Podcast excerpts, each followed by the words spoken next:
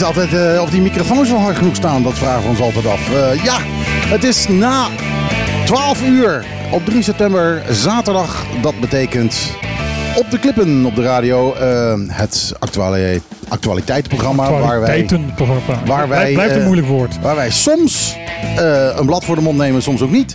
Ehm, proberen meestal niet. We hebben een bijzondere uitzending vandaag. Ehm, we gaan natuurlijk eh, hebben over al het nieuws van de afgelopen week. Eh, we hebben een hele bijzondere tafelgast. Een, eh, een, nummer, een- ja, een vierde presentator eigenlijk.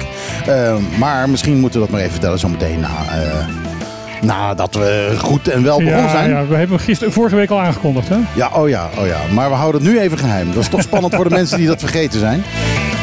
Vergeten hebben, moet je dan zeggen. Ja. Ehm, we gaan het hebben over, eh, in ieder geval, het WOP-verzoek. Dat ingediend is over Bachelor, Bachelor Beach. Beach.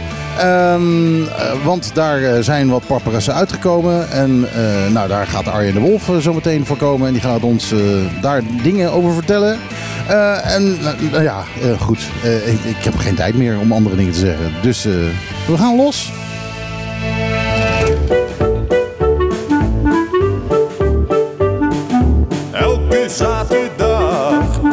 Tussen 12 en 2. Michiel, Martijn, Les- Lisanne. wat een feest. Dit is op de klippen.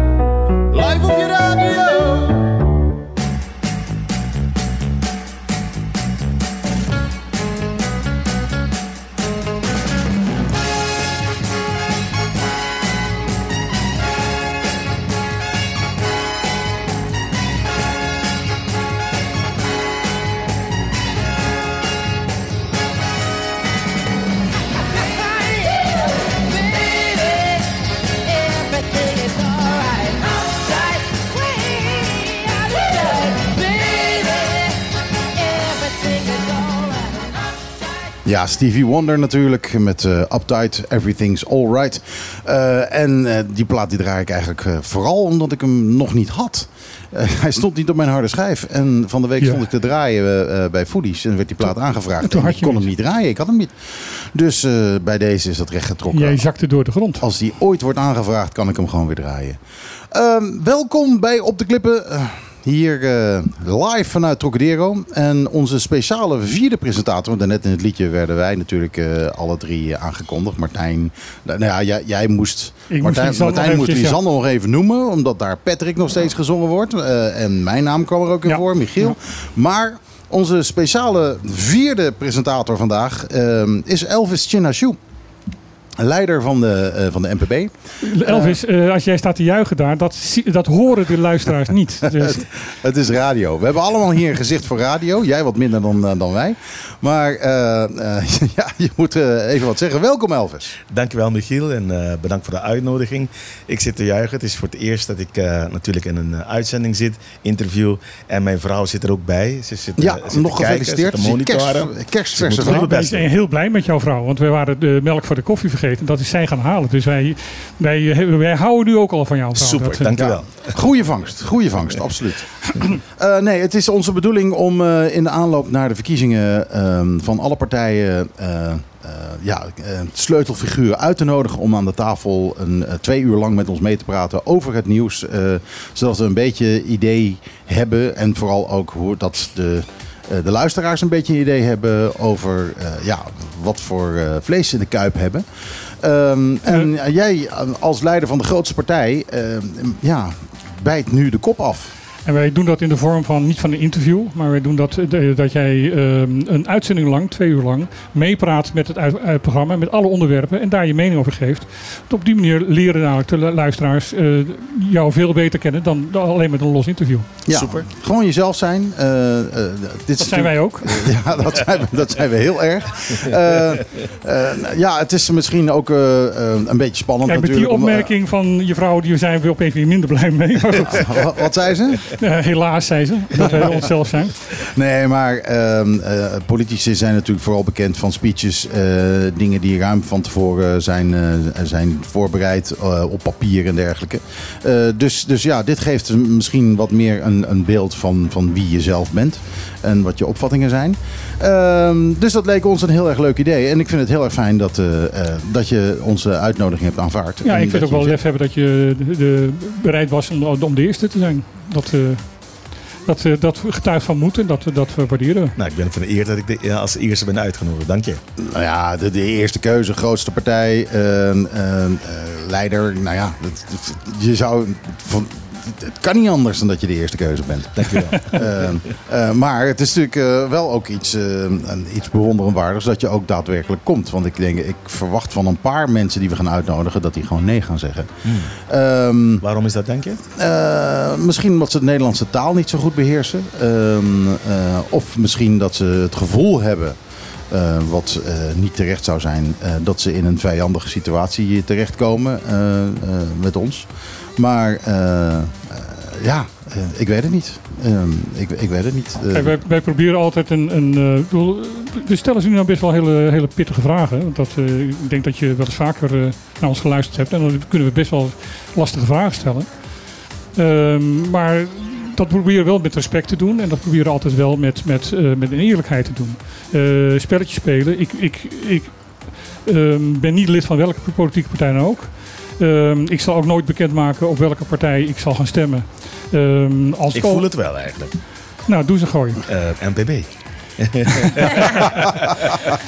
Toen de NPB net bestond, toen woonde ik naast eh, Ben Oliana. Oké. En toen zat jij daar Oh, dat moment. klopt. Dat klopt. En toen heb jij me nog geprobeerd om eh, mij bij de NPB te krijgen. Dat, klopt. eh, dat, dat klopt. Ja. dat is niet gelukt.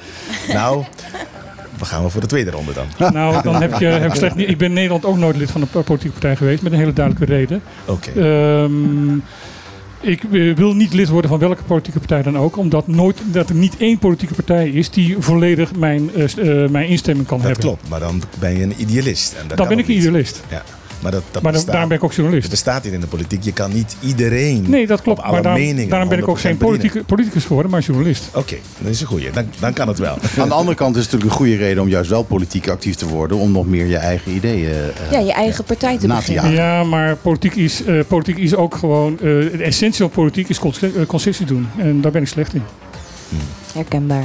Ja, ja ik eh, dat vind het inderdaad. Herkenbaar is het woord daarvoor. Herkenbaar, inderdaad. ja. Eh, ik, eh, ja, abso- absoluut. Conformeren Maar kun je leren. Als Ja. we het dan toch meteen over de NPB hebben. eh, er staat een puntje hier in, eh, in de lijst over de NPB. Ja. Dan hebben we, kunnen we dat meteen maar eventjes eh, aanstippen. Merilu Verlida versterkt de gelederen van Movimento di Pueblo Bon- Boneriano. Nou ja, dit is iets... eh, ja, je bent eigenlijk mede-presentator, maar hier kunnen we jou wat over vragen. Dankjewel, doe maar. Eh, eh, nou ja, wat heb je te vertellen?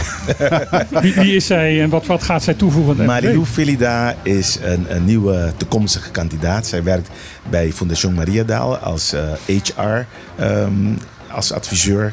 En zij komt van Curaçao, maar ehm, haar vader eh, was een Bonaireaan en eh, haar moeder van Curaçao. Nou, ze is geboren eigenlijk getogen op Curaçao, dus sinds een paar jaar zit ze op Bonaire. Dus heeft Bonaireaanse roots. Ehm, het is iemand die ook ehm, heel veel wedstrijden heeft gedaan als het gaat om het zwemmen.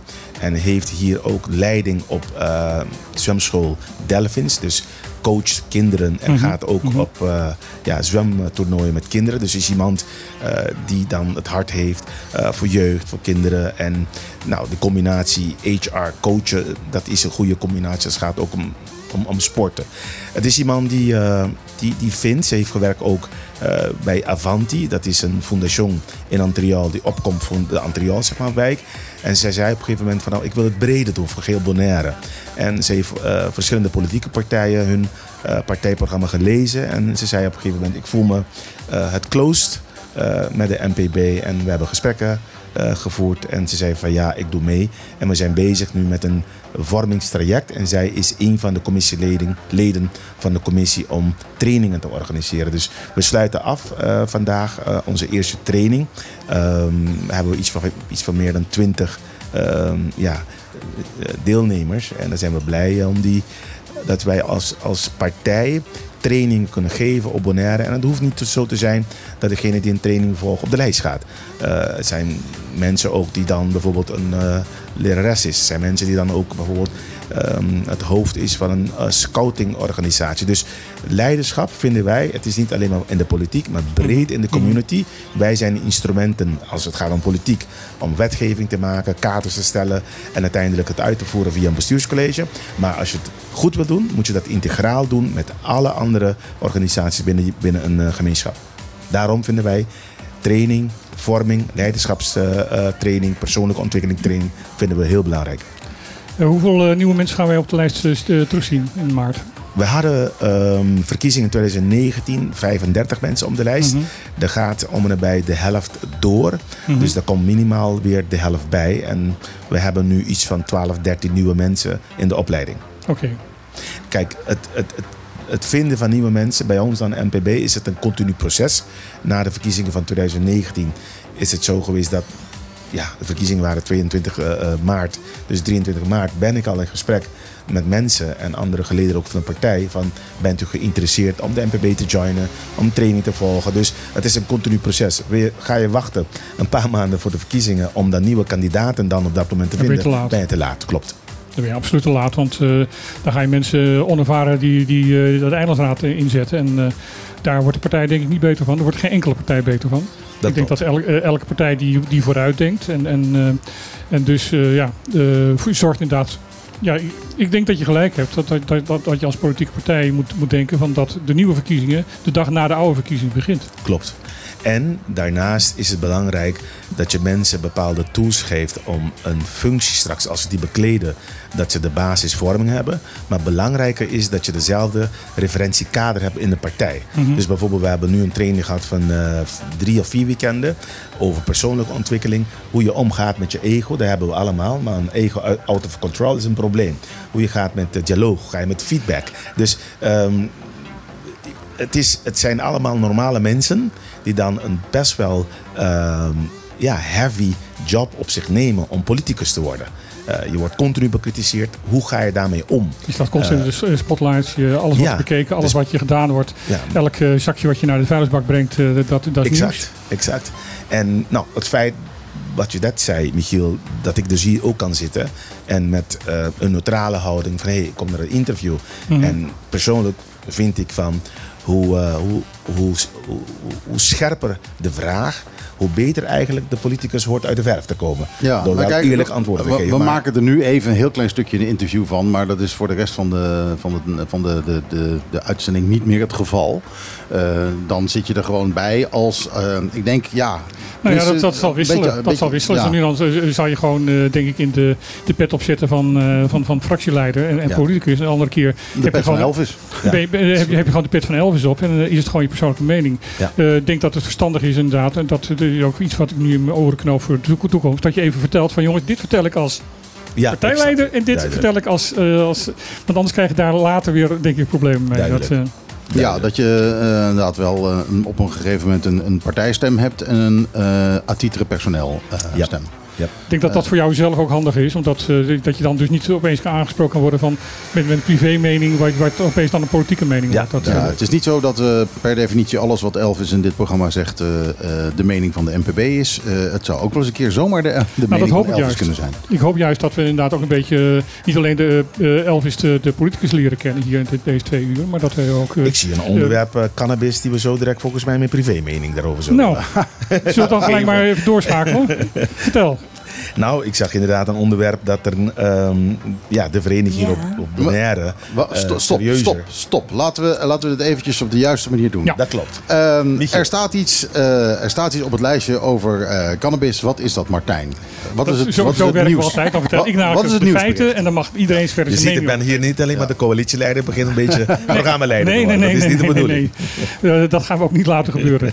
Ehm, dat laten we namelijk met niemand gebeuren. En, eh, er is een vereniging opgericht ehm, eh, eh, die als de doelstelling heeft om ehm, cannabis op het eiland te legaliseren. Eh, zij zeggen van cannabis heeft naast een, een, ja, een, een, een imago als, als drugs ook een, ehm, een, een, een grote bereik op dit moment als, als medicijn, bijvoorbeeld. Hè, Er zijn steeds meer toepassingen, bijvoorbeeld mensen met Parkinson, die er echt baat bij hebben om eh, medicinale can- cannabis eh, binnen te krijgen. Want dan zijn ze opeens van alle nare bijwerkingen eh, van, de, van, van die ziekte zijn ze opeens eh, voor een heel groot gedeelte verlost. Eh, in ieder geval voor de, tijd dat, eh, dat eh, het spul werkt. Ehm, in heel veel landen op dit moment, eh, zelfs in, in de Verenigde Staten van Amerika, zeer verbazingwekkend, waar de, de, felste tegenstanders eh, van, van welke drugs dan ook was, beginnen nu in, heel veel staten de, de, de, de, stem op te gaan om het te legaliseren. Om, onder, onder andere om die reden dat het ook dus medicinaal gebruikt kan worden. Eh, en daarnaast zeggen ze, wordt er dan, ik weet bijvoorbeeld, eh, volgens Californië is dat, die zegt van we willen alle bestrijding tegen cannabis nu gaan inzetten om voorlichting te geven dat je het niet als drugs moet gaan gebruiken. Eh, dat, is, dat is een mening. En, eh, ja, dat, eh, en zij vinden, de, deze vereniging vindt dus dat dit ook op Bonaire moet gebeuren. En gaat zich daarvoor inzetten.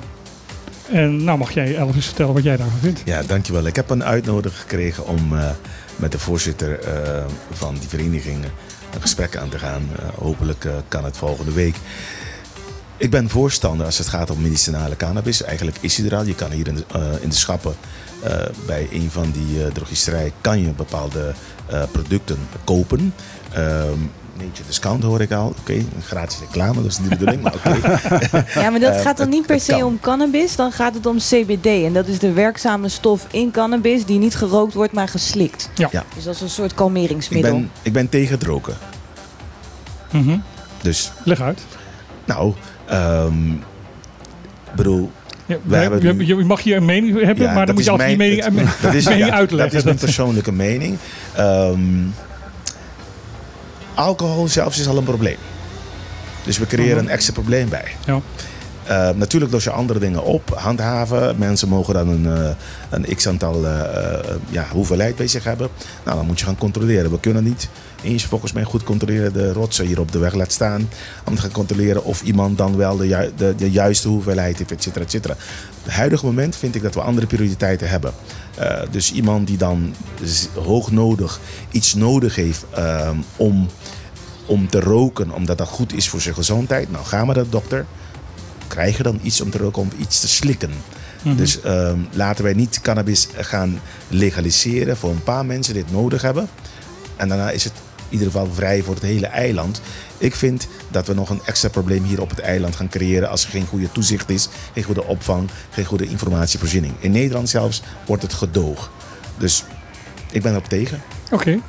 Roken. Is er iemand wel met een andere mening? En nou, eh, het zal misschien verrassend zijn, want ik ben eigenlijk een- enorm van eh, iedereen vrijheid. Maar ik ben ook geen fan van, eh, van het roken van cannabis. Mhm. Eh, eh, ik ben een oude lul natuurlijk. eh, eh, ik kom uit de 70s, 80s. Ehm, ik heb heel wat vrienden gehad die eh, allemaal eh, graag eh, eh, een, een, een, een wietstokje wilden roken.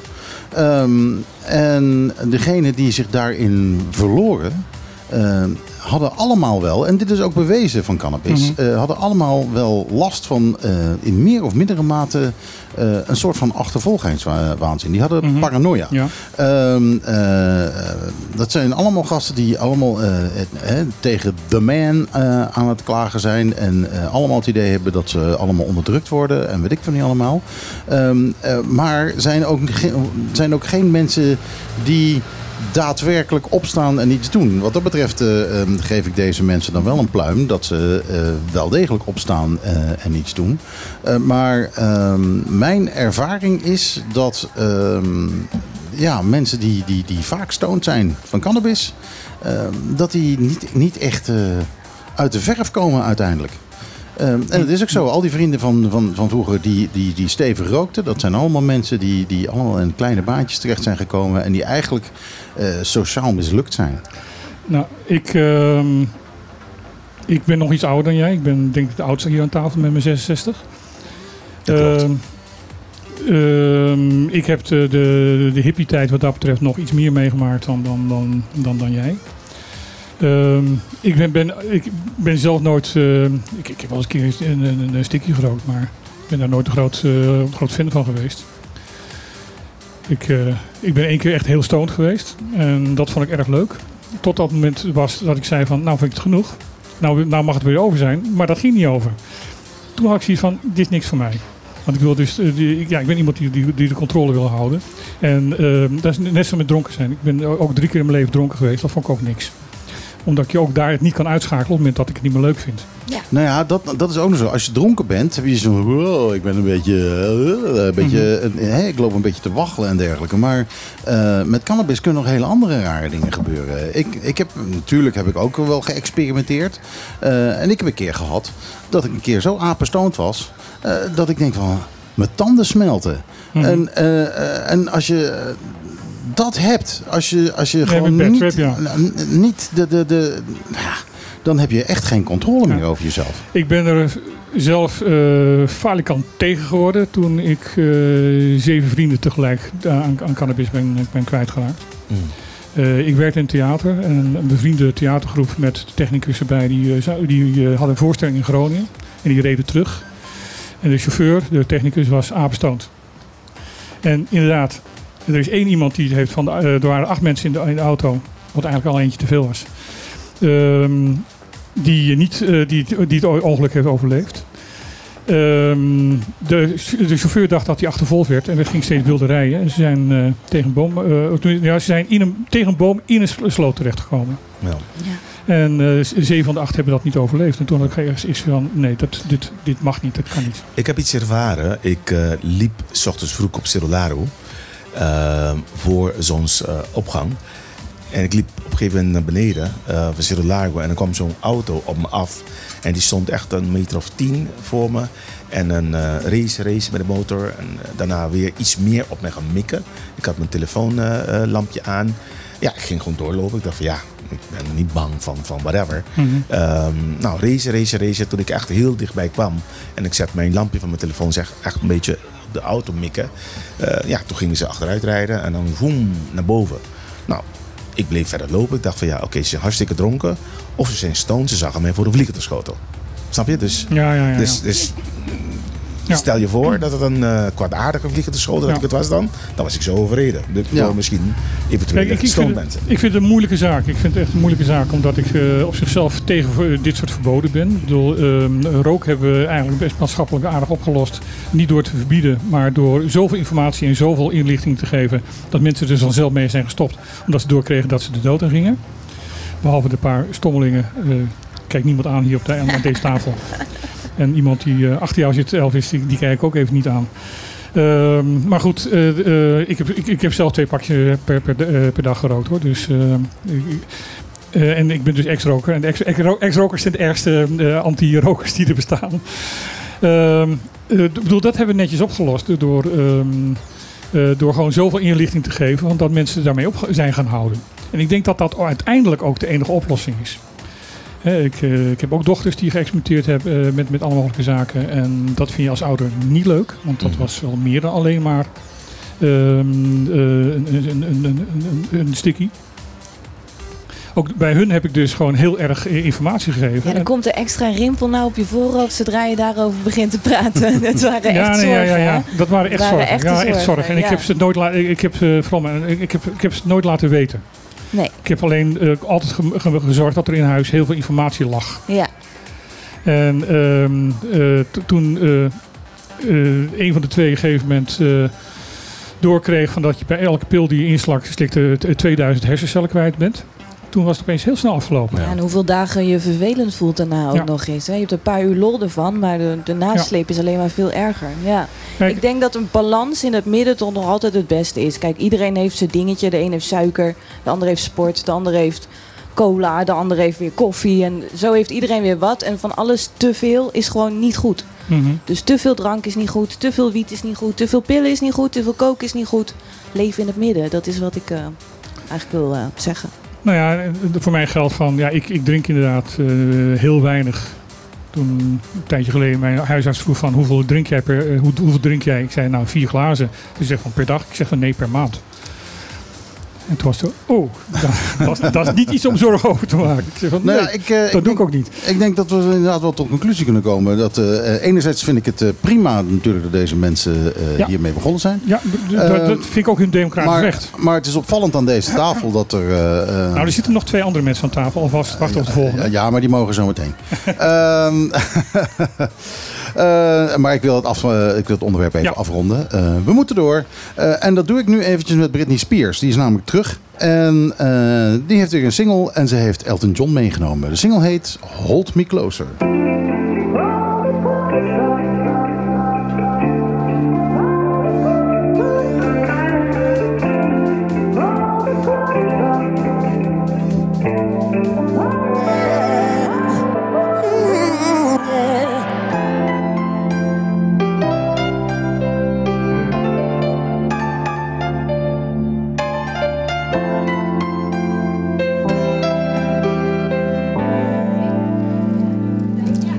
Ja, we moeten nou toch echt gaan praten. Want eh, we staan Het is allemaal te poseren we voor staan een foto. lachen voor een foto. Eh, nou ja, dat was dus eh, Britney Spears samen met Elton John. En dan, nou ja, met Elton John heb je natuurlijk wel een topcomponist. En Britney Spears, de, wat, wat bijzonder is hier, is dat Britney Spears natuurlijk jaren, decennia, ehm, eh, helemaal onder de duim van de, van de ouders zat. Dat die helemaal niets voor zichzelf mocht beslissen en doen. Ehm, dat is natuurlijk een paar maanden geleden is daar een einde aan gemaakt door een, eh, door een rechtbank. Nou, zou ik je sterker vertellen dat die ouders een bedrijf hebben ingehuurd die haar dus helemaal ge gebrainwashed hebben. En dat dat, eh, dat bedrijf TriStar ook nog steeds bestaat en dat het nog steeds mag blijven doen. Ja, nou ja, goed. In ieder geval, nu is zij vrij. Ja. En dit is de eerste single die ze in eh, vrije toestand heeft gemaakt. En wat me opvalt is dat ze, ze heel anders zingt. Dat is toch ook niet zo Daar- daar- gek? Daar heb je wel gelijk in. Ze is helemaal niet eh, eh, aan dat Britney kreunen. Ze is, ze is gewoon blijkbaar helemaal even zichzelf hier. En dat vind ik wel, eh, vind ik wel erg cool om te horen. Dat is misschien ook wel wat Elton John in je leven met je doet. Jezelf accepteren. Ja, of een hele grote bril Ik opzetten. krijg, ik krijg toch weer allemaal hele rare Ik, eh, ja. eh, associatie met de term eh, Britney kreu- kreunen. Maar goed, dat, eh, dat, dat hou ik me even voor me. Dat, It's Britney, bitch. Ehm, goed, ehm, een nieuw onderwerp, jongens. Ehm, er is... we hebben nog nooit zo'n volle tafel gehad. Ja, ja, dat is... eh, Gezellig, hè? het- Het is een mooi gezicht, inderdaad. Het is echt heel bizar. Ettelijke maanden geleden ehm, is er een WOP-bezoek eh, ingediend over het reilen en zeilen rond eh, Bachelor Beach. Playa Fornicalchi eh, voor de ehm Antillianen onder ons. Ehm, er is een plan ingediend en bekendgemaakt ook om Bachelor Beach helemaal vol te bouwen met van alles en nog wat.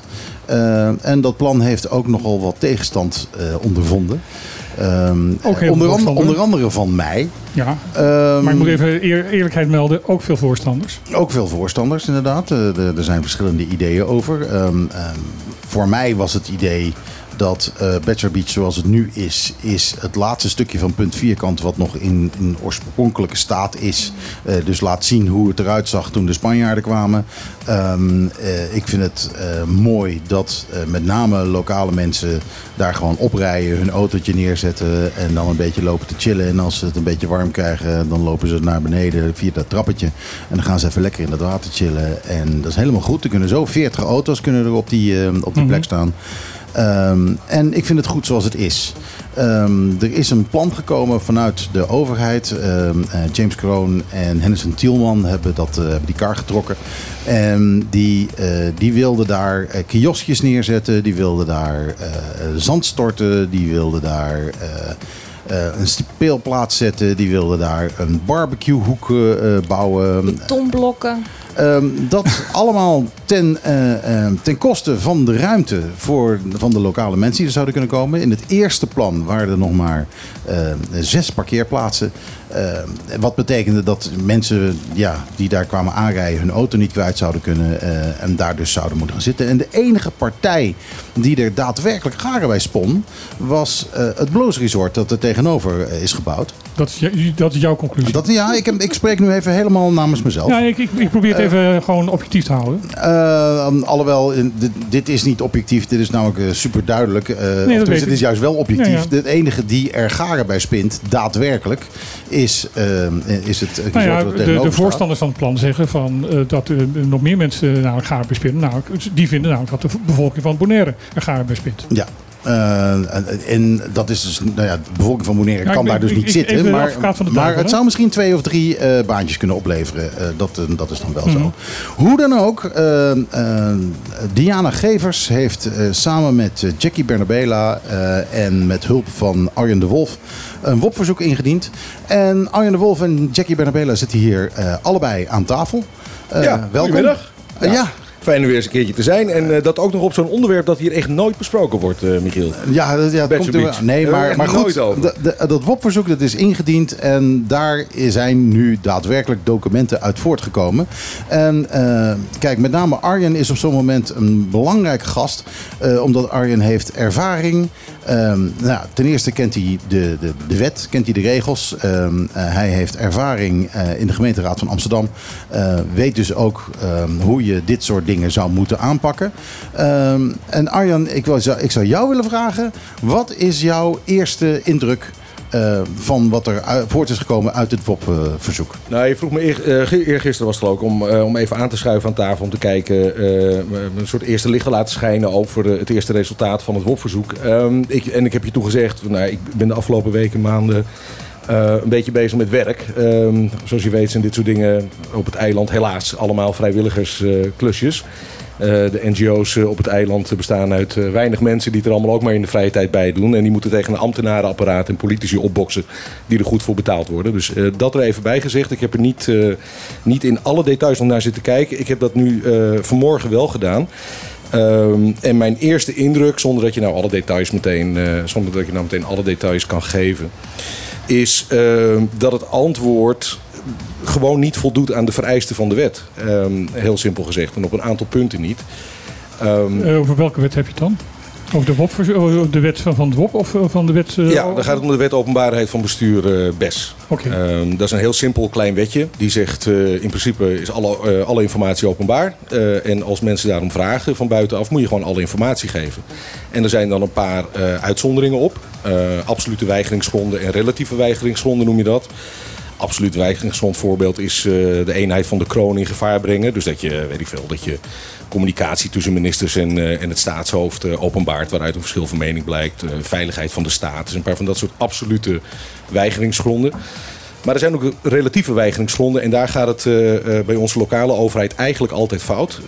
Die relatieve weigeringsgronden die geven het, het lokale bestuur een wegingsruimte om te zeggen, nou, als er eh, een aantal belangen eh, in het geding dreigen te komen, mag ik ervoor kiezen als lokale overheid om bepaalde informatie niet te delen.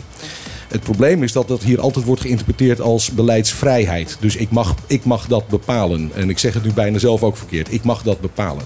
Dat is niet zoals de wet in elkaar zit. De wet eh, schrijft voor dat je een belangenafweging moet maken. En dat je die belangenafweging ook expliciet moet maken. Met andere woorden, als je zegt: ik geef bepaalde informatie niet vanwege een bepaalde weigeringsgrond, een relatieve weigeringsgrond die in de wet is gegeven, dan moet je aangeven waarom je daar de belangenafweging maakt dat je dit bepaalde stuk niet mag geven. Wordt dat ook gedaan? Nee, dat wordt niet gedaan. Eh, Nooit gedaan of heel af en toe? Nou ja, ik moet eventjes eh, erbij zeggen van dat de Nederlandse overheid hier ook heel vaak op dit punt de mist in gaat. Ja, het is een wijdverspreid probleem. Het, eh, doet zich zeker niet alleen bij kleine overheden zoals Bonaire voor. En dan kun je ook aan andere kleinere gemeentes denken waar je hetzelfde probleem ziet. Alleen eh, het verschil is dat eh, ministeries en eh, kleinere gemeentes die niet een hele batterij WOP-ambtenaren zich kunnen veroorloven, dat die er vaak voor kiezen om een intergemeentelijke regeling af te sluiten of een ander soort van samenwerkingsverband. Waarin als ze, als ze heel erg activistische clubs hebben op een eiland of in hun gemeente, waarin ze al die verzoeken eh, gezamenlijk bij een, eh, een controleur kunnen leggen. Die kan zeggen, nou ja, dit, dit, deze informatie moet wel en niet eh, worden verstrekt. Dus met andere woorden, dat ze specialistische kennis, want dat, dat is dit wel. Je kunt hier niet zomaar een, een bestuursjuristje opzetten. Die, die snappen dit in het algemeen ook niet. Ehm, eh, maar dat je die kennis dus bundelt. Ehm, Bonaire doet dat niet. Bonaire is een kleine overheid. Ik snap ook wel dat het moeilijk is om hier een batterij... eh, je kunt hier niet echt een WOP-eenheid neerzetten van drie, vier man. Eh, het zou wel goed zijn, maar ik snap ook wel de afweging dat dat nog niet is gebeurd. Maar er zijn genoeg alternatieven hè, om het op een andere manier dan wel te doen. Dan kun je dus als bestuurscollege bijvoorbeeld zeggen... nou, ik ga samenwerken met Steven en Stasia. eh, of ga samenwerken met andere overheden waar het een beetje op lijkt wat er bij ons gebeurt. Je zou ook kunnen zeggen, ik beleg het beoordelen van WOP-verzoeken... eh, niet in mijn eigen apparaat, maar ik beleg dat bij een, bij een externe partij... die namens mij die advisering doet. Ehm, want het gaat, nu gewoon al, het gaat nu gewoon te vaak fout. En je ziet dat eh, het gevolg daarvan is. eh, waarom is dit nou belangrijk? Waarom vinden we dit nou met z'n allen belangrijk? Ik heb hier in deze uitzending, als we het eerder over Bachelor Beach hadden, wel vaker gezegd. Het interesseert me eigenlijk geen donder wat er op Bachelor Beach gebeurt. Ik heb niks met de inhoud van het onderwerp. Ik heb wel iets met de noodzaak van in een democratische rechtsstaat openbaarheid van informatie En betrachten. de, con- en de controleerbaarheid van, eh, van bestuur. En de controleerbaarheid. Eh, we hebben een organisatiecultureel probleem. En dat is dat deze overheid vindt dat de burger gewoon niks mag weten. Eh, tenzij je ze echt het mes op de keel zet. En als die mentaliteit niet verandert, als er niet iets verandert in hoe we besluitvorming eh, plegen en hoe we die besluitvorming documenteren en ook controleerbaar documenteren, dan kan echt een eilandsraad niet controleren en dan kan de burger en ook eh, een NGO of de pers kunnen niet controleren. En je ziet het, eh, het apparaat voortdurend spartelen daarin. En helaas is dat in dit geval dus ook zo, om het even terug te brengen bij dit, bij dit onderwerp. Want er worden de meest rare dingen worden niet gegeven. De meest rare eh, delen informatie, althans dat moet je dan uit de context opmaken, die worden van een zwart balkje voorzien. Terwijl je dan denkt, ja, maar dit, dit, is heel raar. Er zijn, er zijn een paar dingen die je absoluut niet hoeft te geven. Maar het lijkt vooralsnog onduidelijk waarom je bij de ontwikkeling van een strandje als Bachelor Beach niet alle informatie over de planvorming en de, en de, en de beleidsontwikkeling, besluitvorming zou willen delen. En het roept alleen maar de vraag op, waarom wil je dat dan niet delen? Ja. Ja, er, er zijn, ik, ik heb het, eh, ben afgelopen week ziek geweest, dus ik heb het ook niet. eh, en de vorige week heel erg druk geweest, dus ik heb dus niet eh, alles kunnen bekijken. Maar ik heb het wel er doorheen gescand. Wat, kijk, er zijn natuurlijk een paar zaken die heel duidelijk zijn waarom ze zwart gemaakt zijn.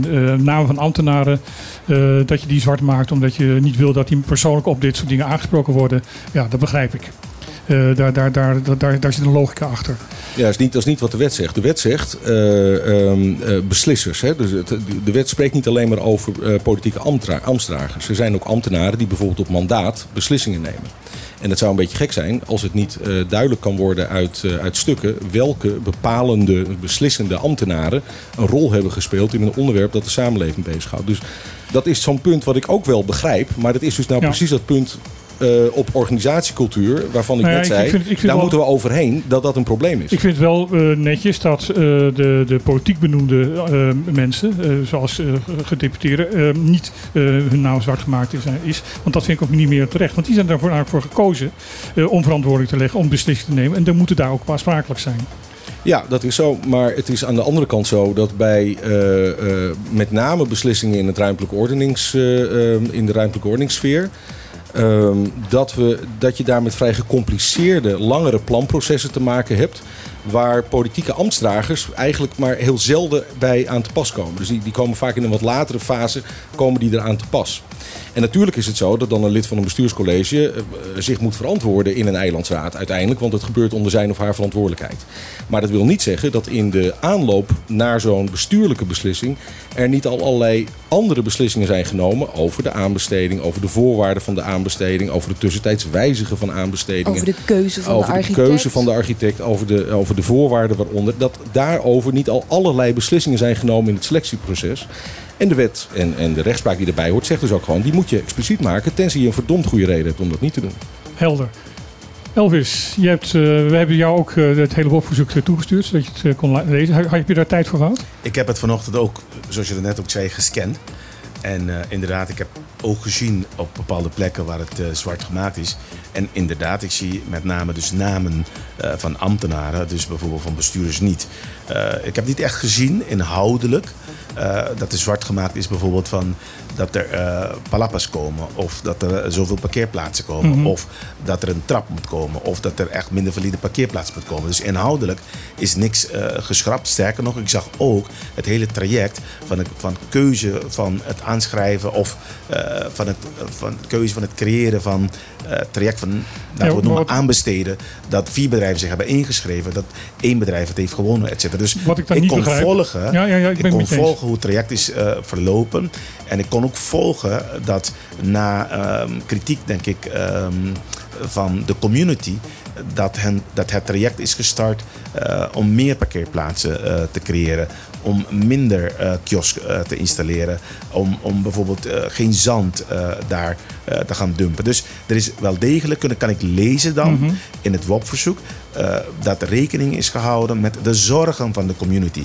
Ehm, concreet over wat eh, Arjan zelf eh, net, net zei over het zwart maken en belangen overweging. Ehm, ik ben het eens dat wij, ik was ook gedeputeerde een periode, we moeten proberen, zolang het ambtelijk apparaat niet op kracht is om zeg maar, de moderne besluitvormingstraject eh, zo transparant zijn ehm, in een community, zolang we dat niet hebben, probeer bepaalde dingen uit te besteden. Dat deed ik ook. We hebben een kleine juridische zaken met een paar ambtenaren die echt eh, regelgeving, wetgeving, nieuwe dingen en we hebben een echt een, eh, een, een, een, ja, een, een, een tsunami van dingen die ook vanuit het ministerie deze kant op komen. We hebben bestuursakkoord, we hebben onze bestuursprogramma. Dus we zijn echt als een kleine ambtelijk apparaat qua eh, kennis, kunde, degene die dit kunnen, zijn wij niet in staat dat op een ja, goede manier, op een tijdige manier, eh, zeg maar, zo effectief mogelijk te besturen. Laat staan de community eh, dan hun recht, zoals een WAP-verzoek, alle andere dingen die gevraagd zijn vanuit de Eilandsraad ook goed te bedienen. Dus daar moet een verandering in komen, maar we komen van ver. Als je ziet bijvoorbeeld nu publieke besluit, besluitenlijsten die publiek gemaakt worden. Ik was toen in de positie in 2015, 2019 periode.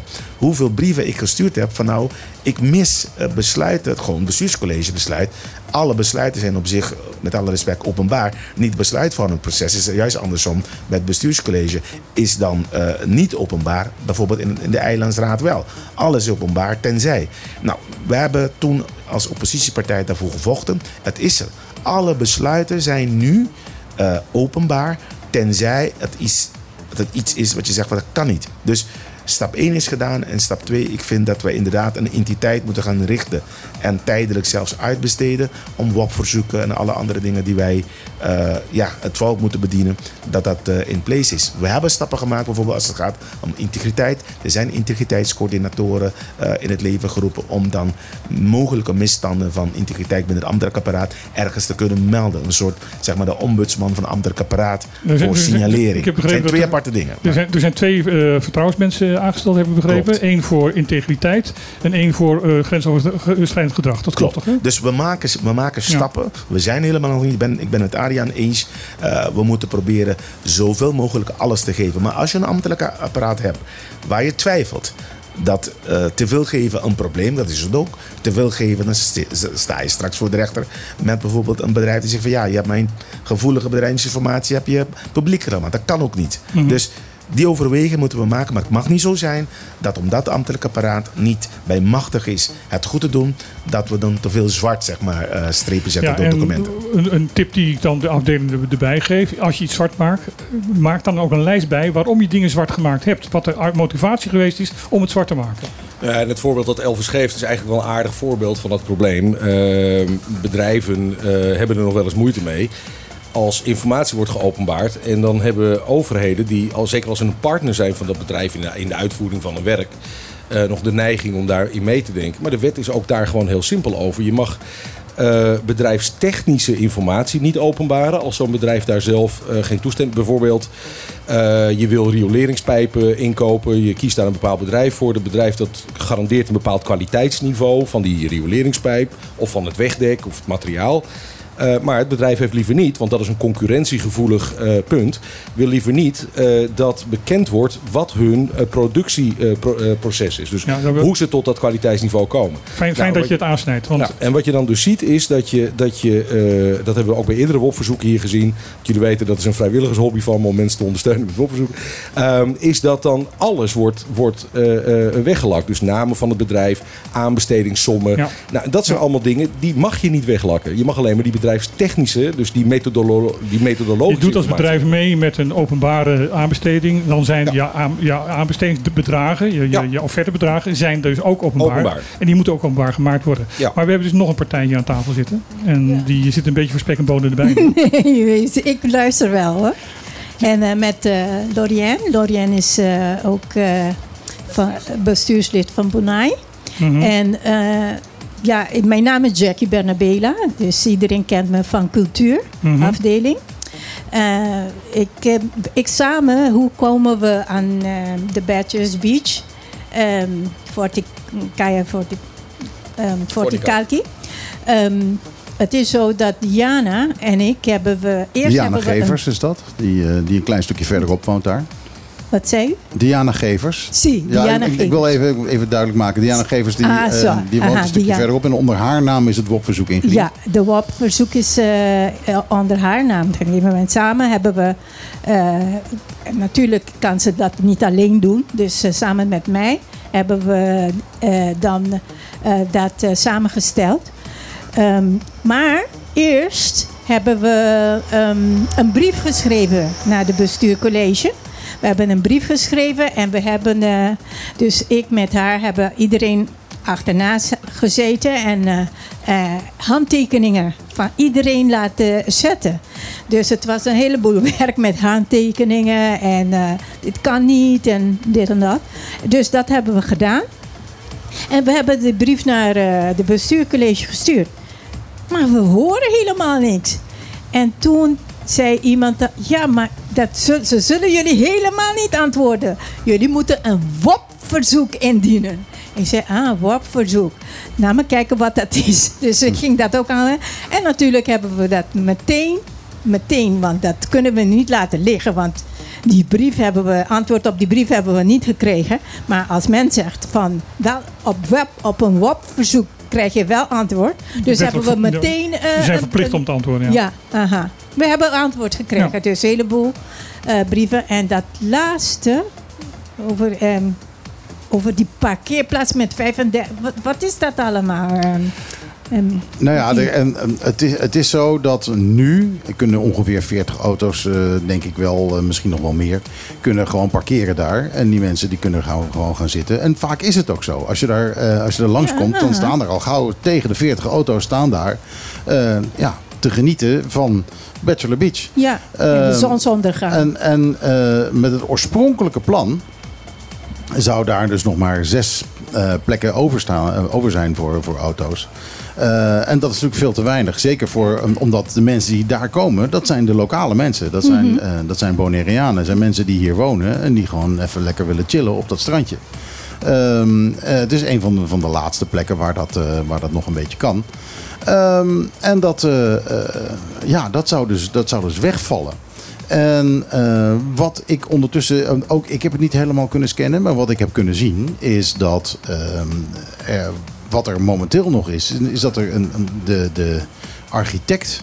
Een ik- ik, Aubercy. ik stel voor Ja. dat we eerst even een muziekje spelen. Ja, maar laten we dan mijn zin even afmaken. Ja. Dat, eh, dat de architect Aubercy eh, eh, met de overheid een beetje aan het steggelen is over eh, het aantal parkeerplaatsen wat er nu moet komen. Omdat er dus inderdaad heel veel geklaagd is over het feit dat er zo weinig parkeerplaatsen overblijven. Dan wil ik het graag inderdaad hebben, hebben na de muziek. Want eh, anders krijgen we nou ruzie namelijk met eh, de baas van, van deze zender. Ja, precies. Nou, weet je wat? Dan heb ik de nieuwe Coldplay en die heet Humankind.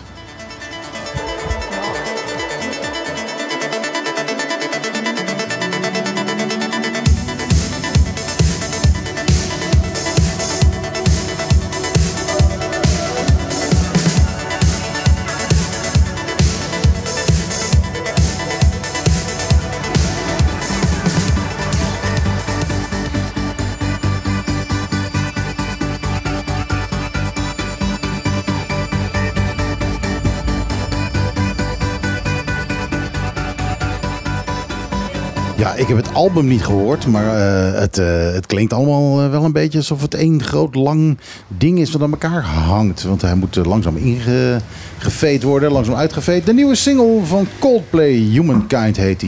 Eh, wel een, Stevig muziekje. volwassen stukje muziek. Maar jij, houdt toch van die ellenlange synthesizer eh, deuntjes? Ja, Ik hou van synthesizer deuntjes. Zodra er een synthesizer is, dan... dan, dan Ellenlang doorgaan. Al- Als er geen synthesizer in zit, dan hoef je mij die muziek niet te laten horen. Nee, dat, is, eh, dat is bij mij eh, altijd heel erg. En eh, hoe minder gitaren, hoe leuker ik het vind. Maar dat, ja, Coldplay, er zitten genoeg gitaren in Het is toch opvallend dat je getrouwd bent met een vrouw die geen synthesizer speelt. Ja, nou, ja, ik heb, er, ik heb er niet om die reden getrouwd natuurlijk. dat mogen duidelijk zijn. nee, je hebt er getrouwd vanwege goede smaak. Dat. Ja, precies. Ja, de- nou ja, dat mogen duidelijk zijn. Ze koos voor mij. Ehm, maar eh, laten we even teruggaan. We hebben het over Bachelor Beach. Ehm, Ja, Jackie, ik wil even, eh, even, even het oppikken waar het waren. Jackie, jij hebt het eh WOP-bezoek eh, ingediend samen met Diana Gevers. Je hebt het geschreven. Eh, jullie hadden eerder al een uh, handtekenenactie waar jullie begonnen. Eh, wat was de reden voor die handtekenenactie?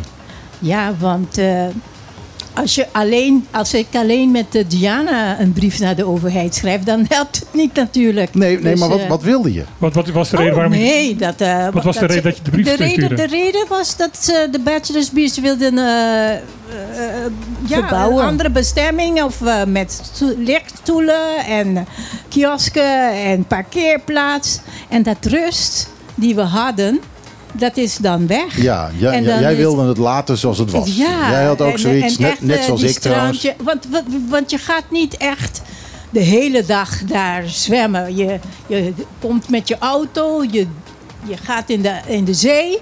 En het is zo dichtbij en het is zo, Ja. weet je wel? Ja, dus jou- jouw insteek was eigenlijk hetzelfde als Het wat ik vind. lekker. If it isn't broken, don't try to fix it. Waarom, Right. waarom ga je dit verbouwen? Het werkt zoals het is. Ja, laat het Ja. zoals het is. Nou, dan zou ik graag nu de stap willen maken naar de inhoud van de, het WOP-verzoek. Want we hebben alleen over het WOP-verzoek en over eh, hoe het WOP-verzoek is uitgevoerd. Ehm, ik kijk even naar om mij heen, de mensen die het ook enigszins hebben gelezen. Mijn conclusie is dat eh, de laatste stukken die in dat WOP-verzoek staan eh, nog maar van een paar weken geleden zijn. Dat daar duidelijk uit wordt dat er op dit moment het hele proces stil ligt. Omdat er een conflict is tussen de overheid en de, de architect die het uiteindelijk geworden is, eh, Gino Obersi. Gino, Gino Opersi. Nou, even heel even voordat je verder gaat, Martijn. Dit, dit vind ik altijd wel even een punt. Eh, eh, Kijk, een, een van de manieren waarop je eh, volwassen met openbaarheid en openheid van dingen om kunt gaan, vind ik. Is dat we het niet over personen hebben. Het gaat niet over personen. Het gaat over mensen in een bepaalde functie. Dat klopt. En het gaat dus ook niet over Gino. Het gaat over een bedrijf. En eh, dat Ah. bedrijf heeft een naam. Dus ik, ik vind het altijd niet. Minoke Papi, Malu naar Jongene. Maar ik vind het, dat vind ik altijd een beetje lastig. Het bedrijf Openheid- heet ook al Bercy. Nee, Ja. nee, dat heet. vol- Oh ja, nou, daar heb ik niks gezegd. Oh, daarom zei ik ook alleen Obersi. Ja, nee, oké. Nee, sorry. Ja. Ehm Nou, dat is openbaarheid van business toch. Bedoel je, pro- probeer eens wat, weet je. roep je ook eens wat? Ja, Wie ben je? Nou, eh Arjen zit nu naast met de simmer. van, Dan zeg ik ook eens een keer zeg wat. ik eens een keertje wat. Doe je niet goed. Ehm, maar er is dus een conflict ontstaan tussen eh, de architect, laat ik het dan zo zeggen, eh, en de overheid over de hoeveelheid parkeerplaatsen. Ja, dat is wat ik uit, uit de, de, de, de, de stukken lees. Dat er op dit moment, eh, dat zelfs bij de rechter eh, ligt, van... ehm, er zouden eerst heel weinig parkeerplaatsen zijn. Dan, toen werden dat, geloof ik, eh, uiteindelijk werden dat iets van 24. Nou, het is van 6 naar 9 gegaan, maar ondertussen zijn we naar... Nee, nou, in de 20 ergens. Maar volgens, de, volgens ehm, ehm, eh, Drop Mhm. ehm, zouden dat volgens alle regels zouden dat 39 of 37 eh, eh, parkeerplaatsen horen te zijn. En de architect zegt van nee, dat gaan we niet doen, want eh, dan kan ik alle andere dingen die ik wil doen eh, niet, eh, niet meer neerzetten. Dus ehm, die heeft zelfs nu, tenminste als ik het goed lees uit, de- uit de papieren, ehm, gezegd van dat hij zijn plan wil terugtrekken. Omdat ehm, ja, de overheid nu van hem eist dat het plan anders gaat worden dan hij zou willen. Oeps. Dus- Ja, oeps. Ja. Eh, nou vind ik persoonlijk dat nog steeds eh, de beste oplossing is om niks te doen. Nou ja, ik ben dus maar, benieuwd. Maar dat, dat kom ik in het, eh, in het hele verzoek, in het hele proces. Nee, want zover zijn ze dus gewoon niet tegen. Zover zijn ze dus nog niet. Want er ligt dus nu een, een, een, verzoek bij de... Nogmaals, ik heb het één keer eh, doorgelezen. En eh, dan vind ik het altijd heel erg eng om dan eh, met conclusies eh, voor de radio te komen. Eh, daarom ben ik heel voorzichtig in, in mijn uitspraken. Eh, zover ik het nu kan lezen... eh, ligt er een verzoek bij eh, de rechter om eh in te trekken. En is dat ook weer aangevochten door de overheid. Die zegt van ja, nee, maar we willen wel met dat plan verder. Want we willen het wel, wel verder uitvoeren. En ja, daar is dus nu eh, het gesteggel over. Dus Ja. eerst hebben vier architecten lopen strijden om dat project te kunnen waarmaken. Ja. Dan is er iemand gekozen. Dan krijgen ze dan moet ik, daar, daar heb ik een kleine aantekening bij. Degene die is gekozen, die architect, is dezelfde architect van, als de architect van eh, het resort dat aan de overkant ligt. Oh, ter Oh. informatie. Ja, ter informatie. Dat is wel... Goed, Dat eh, is wel- die is daarvoor gekozen. Ja. En nou is er dus een probleem tussen de opdrachtgever en de uitvoerder, de architect, de, die dus niet overeenkomen in het plan. Nee, eh, de architect zegt nu van, van het plan wat nu door de overheid eh, in feite wordt, wordt voorgesteld, eh, is niet mijn plan en daar wil ik mijn naam niet achter hebben. Oké. En, en daar, heeft, daar heeft de architect natuurlijk alle, alle, alle recht toe. Al- Ja. Als dat, Ja. Overigens weet ik dat deze architect eh, al jaren geleden, ook toen ik nog directeur van Stinapa was, al langer plannen eh, had. Gewoon voor het eiland, eh, voor, voor het welzijn van het eiland. Dat er faciliteiten op verschillende stranden zouden worden geplaatst. eh, voor vuilophaal, wc's, kioskes. Dus ik, ik, ik, ik weet niet in hoeverre er precies een link ligt nu met, met andere projecten. Ik weet alleen wel dat dit bureau dat plan gewoon al heel lang heeft. Ehm, want daar is in die tijd ook met mij nog over gesproken. Ik denk alleen wel dat, kijk, even goed helder te hebben, dat de aanleiding is een, een WOP-verzoek. WOP-verzoeken gaan natuurlijk niet over de inhoudelijke beoordeling. Die gaan niet over de beslissing die inhoudelijk wordt genomen. Het gaat om de informatie die leidt tot bepaalde beslissingen. Precies, Ja. het Eh, traject. Daar heb, Ja. daar heb je helemaal gelijk in. Dus, dus eh, mensen mogen van alles vinden, vind ik, eh, van, van wat er op dat strand wel of niet gebeurt. Ik denk dat het, als je het over een WOP-verzoek hebt, belangrijk is eh, om te focussen op van nou, krijg ik nou alle informatie die we ook als burgers nodig hebben om onze mening te vormen überhaupt? Hè? Hebben, hebben we de feiten wel? En blijven we niet in geroddel hangen, in, in extrapolaties? Eh, nou ja, dat, is belangrijk. krijgen we Nou ja. dus niet. Nee, maar En dat is dus in dit geval ook naar mijn oordeel niet helemaal Ja. gebeurd. En dat betekent dus dat eh, nou ja, eh, in, in de WOP-BES, in de WOP eh Europese NL zijn de termijnen wat langer en zit, zit de beroepsprocedure anders in elkaar. Bij de WOP-BES is het 3 plus 3. Eh, dus eh, drie weken eh, om te antwoorden op een verzoek. En dan eh, mag een overheid, en dat doen ze ook meestal wel, nog drie weken uitstel vragen. Eh, als je dan niet tevreden bent, eh, als er conflicten ontstaan over eh, het antwoord op het verzoek, zegt de wet dan, dan is Moet je naar de rechter? het gerecht in eerste aanleg is dan eh, eh, de partij. Dus dan moet je naar, eh, naar de bestuursrechter. Eh, en daar beroep aan tekenen. Dus dan moet je de overheid dagen.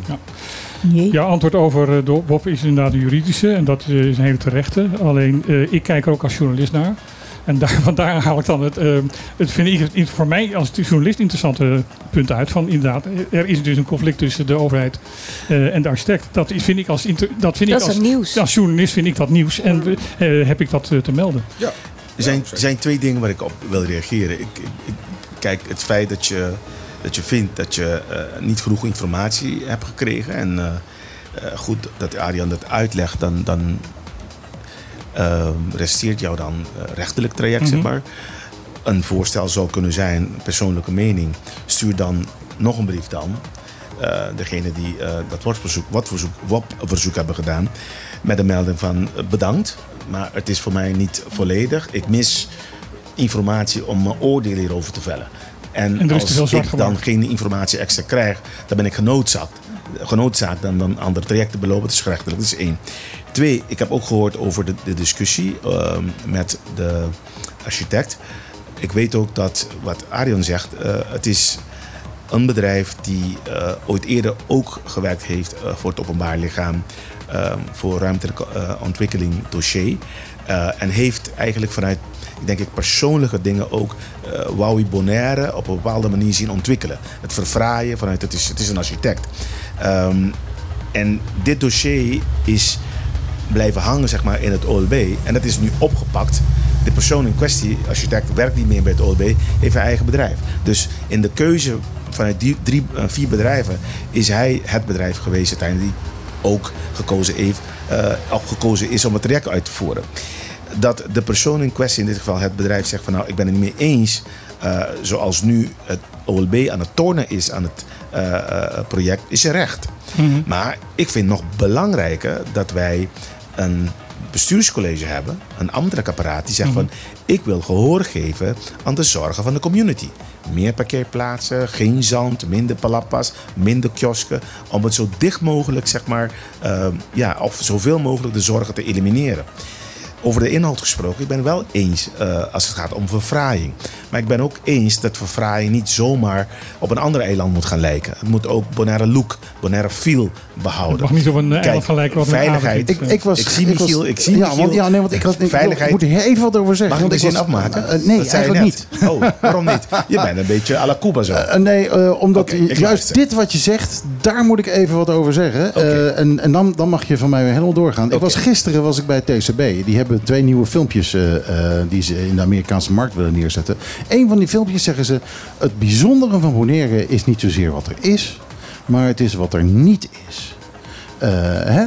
It's in our nature. Dat, dat, dat, is hoe we ons Ja. positioneren. Daar staat ook Henny Tilman staat daar groot bij te lachen. En dit is het. En tegelijkertijd is hij degene die dit laatste stukje nature van punt vierkant... eh, eh, ja, wil volgooien met zand, met beton, met eh, weet ik van. En dan denk ik van, jongens, kijk nou eens in. Waarom wil je hier eh, Miami Beach van maken? Eh, de mensen die in Miami Beach zijn, die komen hier om juist iets te vinden wat niet Miami Beach is. Ja. Een ander aspect, als ik mijn zin kan afmaken. En nu mag je je zin afmaken. Dankjewel. Van- vanaf hier mag je Een ander aspect eh, is, is veiligheid. Ehm, eh, wij weten eh, het hele gedoe bij Tiamo Beach ook. Dat, dat, dat, dat jongelui daar ja, gaan drinken met muziek, prima. Maar op een gegeven moment wordt het een overlast en politie komt, dan rijden ze weg. Dus hebben ze nu rotsen gezet. Dat was ook een hele veel discussie over. Dus in het hele plan wordt dat ook meegenomen met weet je, fatsoenlijke ingangen, uitgangen. Dat in ieder geval veiligheid ook uiteindelijk geborgd kan worden.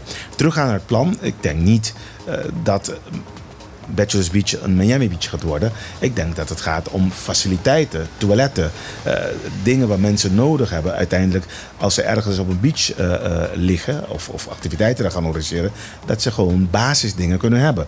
Wij zijn een eiland in ontwikkeling. Wij zijn een eiland dat we bepaalde faciliteiten moeten bieden, maar ook met name voor lokalen, maar ook voor toeristen.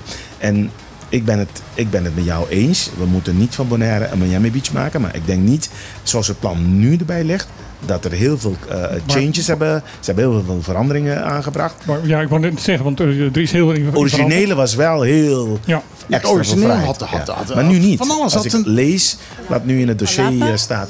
Palapas, kinderspeelplaatsen. eh, maar goed, eh, ken- kennelijk, kennelijk is het dus eh, in jouw visie. Ik zie Arjan helemaal wegtunen, want het is inhoudelijk. Daar gaat hij niet over.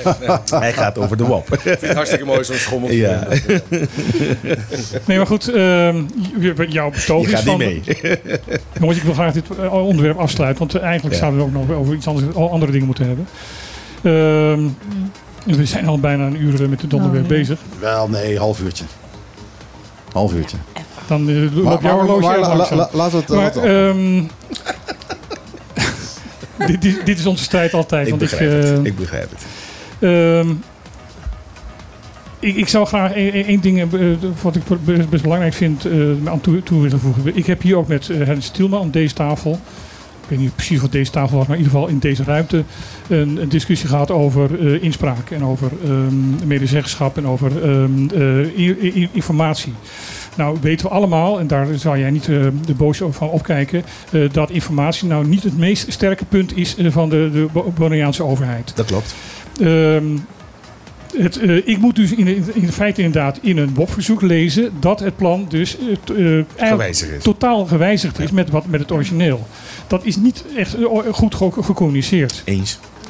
En er zou dus eh, weer een nieuwe informatieronde moeten komen om te zeggen: jongens, kijk jongens, we zijn niet daarmee bezig. We Ja. hebben geluisterd. Ja. Is eens. Ja, inderdaad. Ik, Ja. ik wil nog heel even het woord geven aan Laurienne Ammerlaan. Die is nog helemaal niet aan, eh, eh, aan- de beurt geweest. Ja, ik, zit, ik zit gewoon te genieten van jullie gesprek. Dus vandaar nu ga ik iets zeggen. Ik denk van... Ik zit met twee dingen van het publiek van Bonaire. Met angsten. Dus het afsluiten van Bachelor's Beach. Af- achteraf. Want nu spreken ze niks van het blijft openlijk. Maar wordt het straks wel afgesloten. Nee, nee, nee. Er is wel degelijk is er, eh, is er gezegd vanaf het begin af aan eh, dat het open voor publiek zal blijven. Oké. Alleen als je minder parkeerplaatsen neerzet, dan wordt het moeilijker voor het lokale publiek om er te komen. En de tweede is onderhoud. Want nu hebben we drie wat zitplekken, om- laat maar zeggen, maar niemand onderhoudt het. En nu komen ze met een heel mooi plan van miljoenen. Wie gaat dit onderhouden? En de wc's dat we nu hebben bij Sorbonne en ook bij Teamo Beach, wie onderhoudt dat? Soms is het echt smerig Het, daar. het, het plan was, het oorspronkelijke plan, en ik, heb- ik weet niet of dat ondertussen veranderd is. Het plan was dat TCB dat zou gaan doen. Wat heel bizar is, want TCB is eigenlijk gewoon een reclamebureau. Eh, eh, en als die dan opeens eh, ja, stranden moeten gaan onderhouden, Mag ik- is een iets beetje op, bizar. mag ik iets op daar, mag ik iets eh, zeggen? Ik ken op een ander eiland dat ehm, toeristische middelen die binnenkomen gereserveerd wordt in een eh, Tourism Enhancement Fund. En ik weet vanuit die fondsen bijvoorbeeld zelfs eh, het vuil opgehaald wordt naast zeg maar, de, de reguliere zeg maar, vuilnisophaalbedrijf van de overheid. Er is een extra unit in het leven geroepen omdat de reguliere zeg maar, ophaalbedrijf van eh, de overheid dat niet zeg maar, eh, bij kan benen. genoeg. Kijk, dat is één. En ik weet ook dat op datzelfde eiland middelen zijn gebruikt van de toeristische eh, sector om bijvoorbeeld ook verfraaiing te doen. En ook dus onderhoud. Als je mij vraagt, ik denk als TCB zo'n taak krijgt om te doen, dan moeten ze gewoon uitbesteden. En voor mij maakt het niet uit wie het doet, dat het gedaan wordt. Kijk, wij maken nu vanuit eh, toeristische eh, toeristenbelasting, maken we en nabij, als wij vanaf 1 januari ook nog eens 3 à 4 miljoen binnenkrijgen als het gaat om cruise eh, toeristen, maken we tussen 10 à 12 miljoen extra per jaar. En zou je toch een Dus strandje kunnen veel maken? geld. Dus ik zou, ik zou zeggen, reserveer maar een miljoen bijvoorbeeld. Alleen maar voor onderhoud van faciliteiten voor onze mensen op de stranden, maar nou ook voor onze gasten. Ja, dus goed-. Sorbonne, Bachelors Beach, Teamo Beach en alle andere. En ook met name als het gaat om onze vissenspieren. Ja. Dus we hebben middelen om onderhoud te doen waar we altijd heel slecht in waren. Ik zou zeggen, zet het in je verkiezingsprogramma. Gaan we doen. Nee, uitvoeringsprogramma nu. Oké, prima. Nog Even even. Verkiezingsprogramma Eén, zit eh, er al in. Eén laatste opmerking over wat Martijn zegt, want dat is een heel belangrijk eigenlijk. Het, het, het, eh, de informatiestroom eh, over en weer, participatie ook van de bevolking. Eh, da- daar moet echt wat gebeuren. Dat is echt, je ziet het nu weer met Kayak Grandi, je ziet het met, je ziet het met ongelooflijk veel projecten op het eiland. Dus er zijn die drie dingen in elke samenleving waar een burger zich druk over maakt. Het is wat wordt er gebouwd in mijn omgeving, hoe zit het met parkeren en eh, hoe zit het met mijn afval. Dat zijn de drie dingen waar mensen boos van worden in een samenleving. En juist op die drie dingen is het ongelooflijk belangrijk om vanaf het begin af aan open te communiceren en open te informeren. Maar vooral ook de participatie. Die participatie die heeft nog weer een andere rol, namelijk dat dwingt bestuurders, raadsleden, gedeputeerden, eh, maar ook hoge ambtenaren. Om goed na te denken over hun argumenten vanaf het begin. Waarom doe ik dit zo en waarom doe ik dit niet zo? Waarom zoveel parkeerplaatsen, waarom niet zoveel? Als je niet de dwang hebt, zeg maar, als bestuurder om je te verantwoorden, om je te moeten verantwoorden. Je weet, ik moet een aantal keer over dit ruimtelijk ordeningsproject moet ik naar een bepaald zaaltje. En daar zitten ongetwijfeld weer de zeurders, de vaste insprekers, de, eh, alle vervelende mensen zitten daar. Maar er zitten misschien ook wel een paar andere mensen. En dat maakt ook eigenlijk niet uit wie er zit. Ik ben verplicht nu om na te denken voordat ik een beslissing neem. Dat is de waarde van, van burgerparticipatie. Ja. En we zien En dat het wordt, zelfs, vaak het wordt zelfs zo breed nu En- in de wetgeving. En Ja, dat ja, dus, met eh, open overheid gaat het nog veel moeilijker. En, en dat overheden dus gaan doorkrijgen dat deze verplichting geen ramp, maar een zegen is. Ja, als je het goed doet, als, die zieke, als iedereen er eenmaal aan gewend is, dan is dat zo. Een oud politicus hier op het eiland zei altijd... Dos cabezas pensa uno. Twee hoofden denken veel beter dan één hoofd. En dat is volkomen waar. En daarvoor zou ik heel graag dit, antwoord, dit onderwerp willen afsluiten. Ik hoop dat de luisteraar ook doorkrijgt van dat dit niet alleen maar over Bachelor Beach gaat, maar ook over het functioneren van de overheid. En dat wij met deze discussie ook een meer inzicht hebben gekregen van het functioneren van de overheid. Absoluut. Voor de liefhebbers, eh, eh, mocht ik zo meteen nog eh, thuis kunnen komen, dan zal ik een link op onze pagina zetten. op onze Facebook eh, pagina van Op de Clip en Megahit FM. eh, naar een WeTransfer pagina waar het volledige resultaat van het WOP-verzoek eh, in te vinden is. eh, zodat iedereen daar eh, kan meelezen, eh, erover kan meedenken en eventueel eh, aan ons nog eh, eh, eh, suggesties eh, sturen.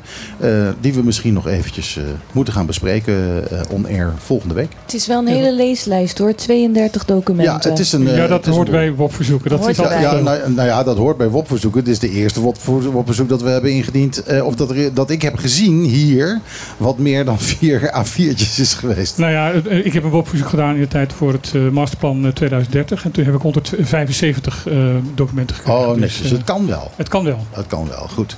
Eh, in ieder geval, Arjan, hartstikke bedankt eh, dat je hier bent gekomen om eh, dit te vertellen. Hetzelfde eh, ook dank aan eh Laurienne en aan Jackie. Ehm, wij gaan even door. Ehm, en ik heb nu de nieuwe plaat van David Guetta en die is weer een beetje gestolen. Sorry.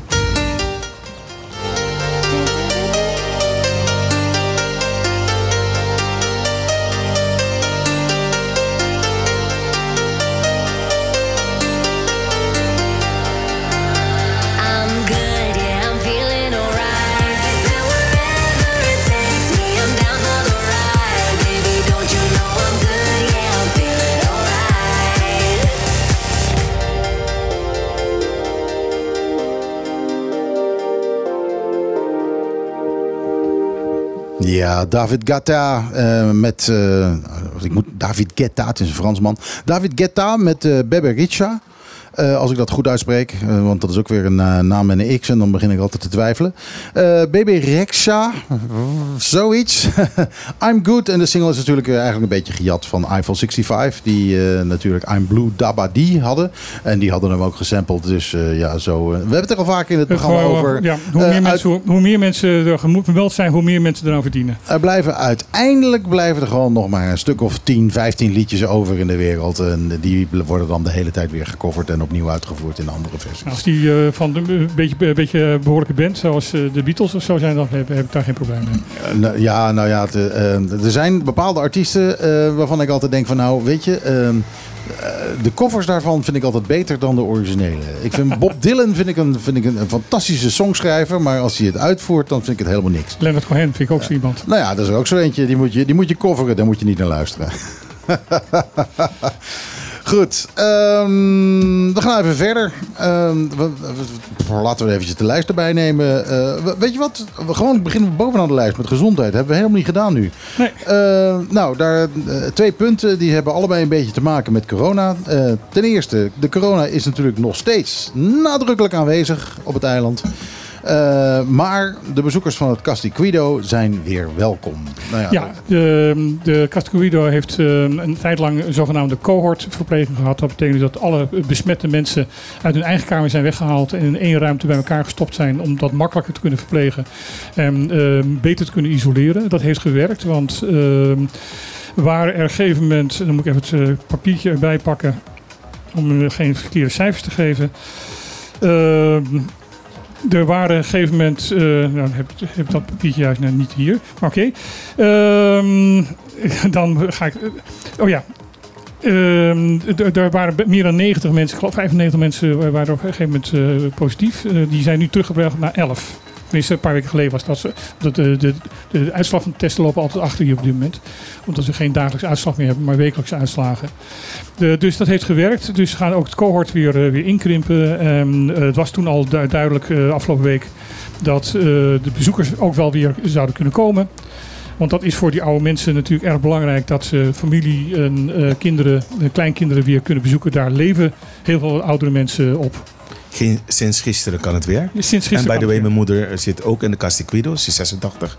En dit, eh, sinds eh, COVID eh, is er, zijn er twee mensen eh, overleden die Ja. bij haar op de kamer zaten. Oeh, pijnlijk.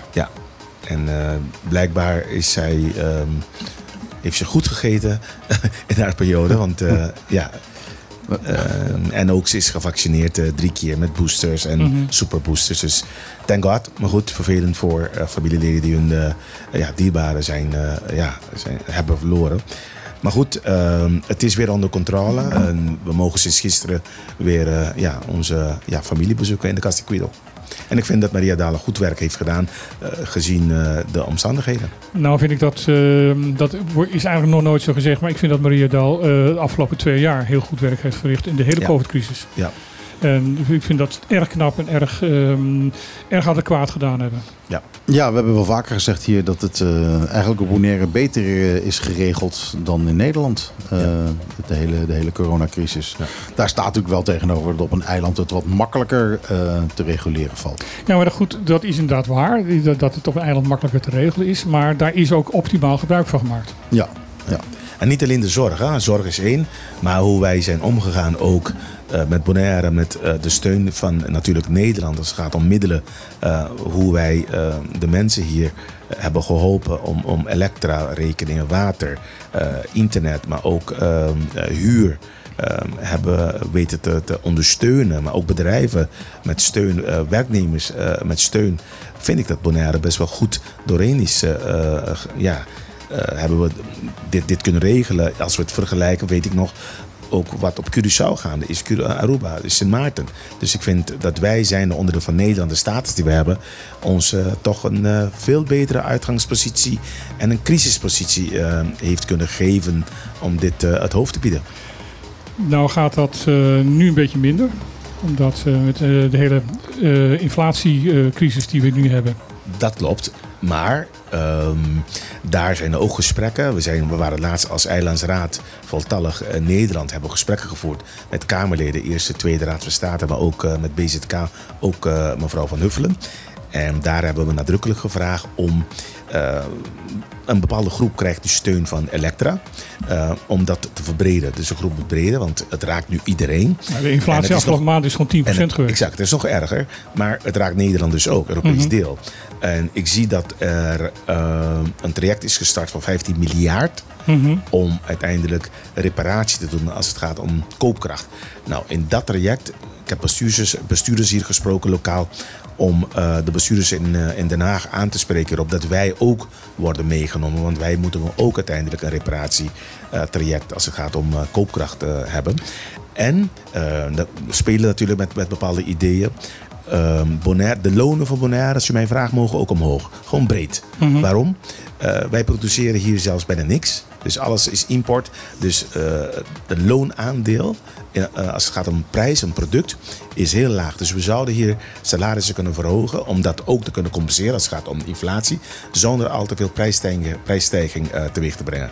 Dus die discussie Daarmee ga je dus in tegen het eh, standpunt van, van de Nederlandse regering. Want die zegt van ja, we moeten niet verhogen, want dat gaat dus inflatie opleveren. Dan moeten we zachtgeld bij iedereen eh, voor de Porsche neerzetten. Met die 15 miljard maakt maar 30 van. Hmm. Dus linksom of rechtsom. Ja. Dus willen wij dat aan... eh, eh, Rechtsom aanvechten? spreekt mij wel aan. Ja. nee, op een of andere manier moeten de mensen in een portemonnee verlicht kunnen worden. Er moet wat extra's bij. Nee, want, want eh, we hebben natuurlijk hier wel vaker politici aan, de, aan, aan tafel. En, en dit is ook een, on- een onderwerp wat, wat Clark Abraham een aantal keer heeft, heeft gezegd. Van jongens, als Den Haag niet doet, dan moeten wij het doen.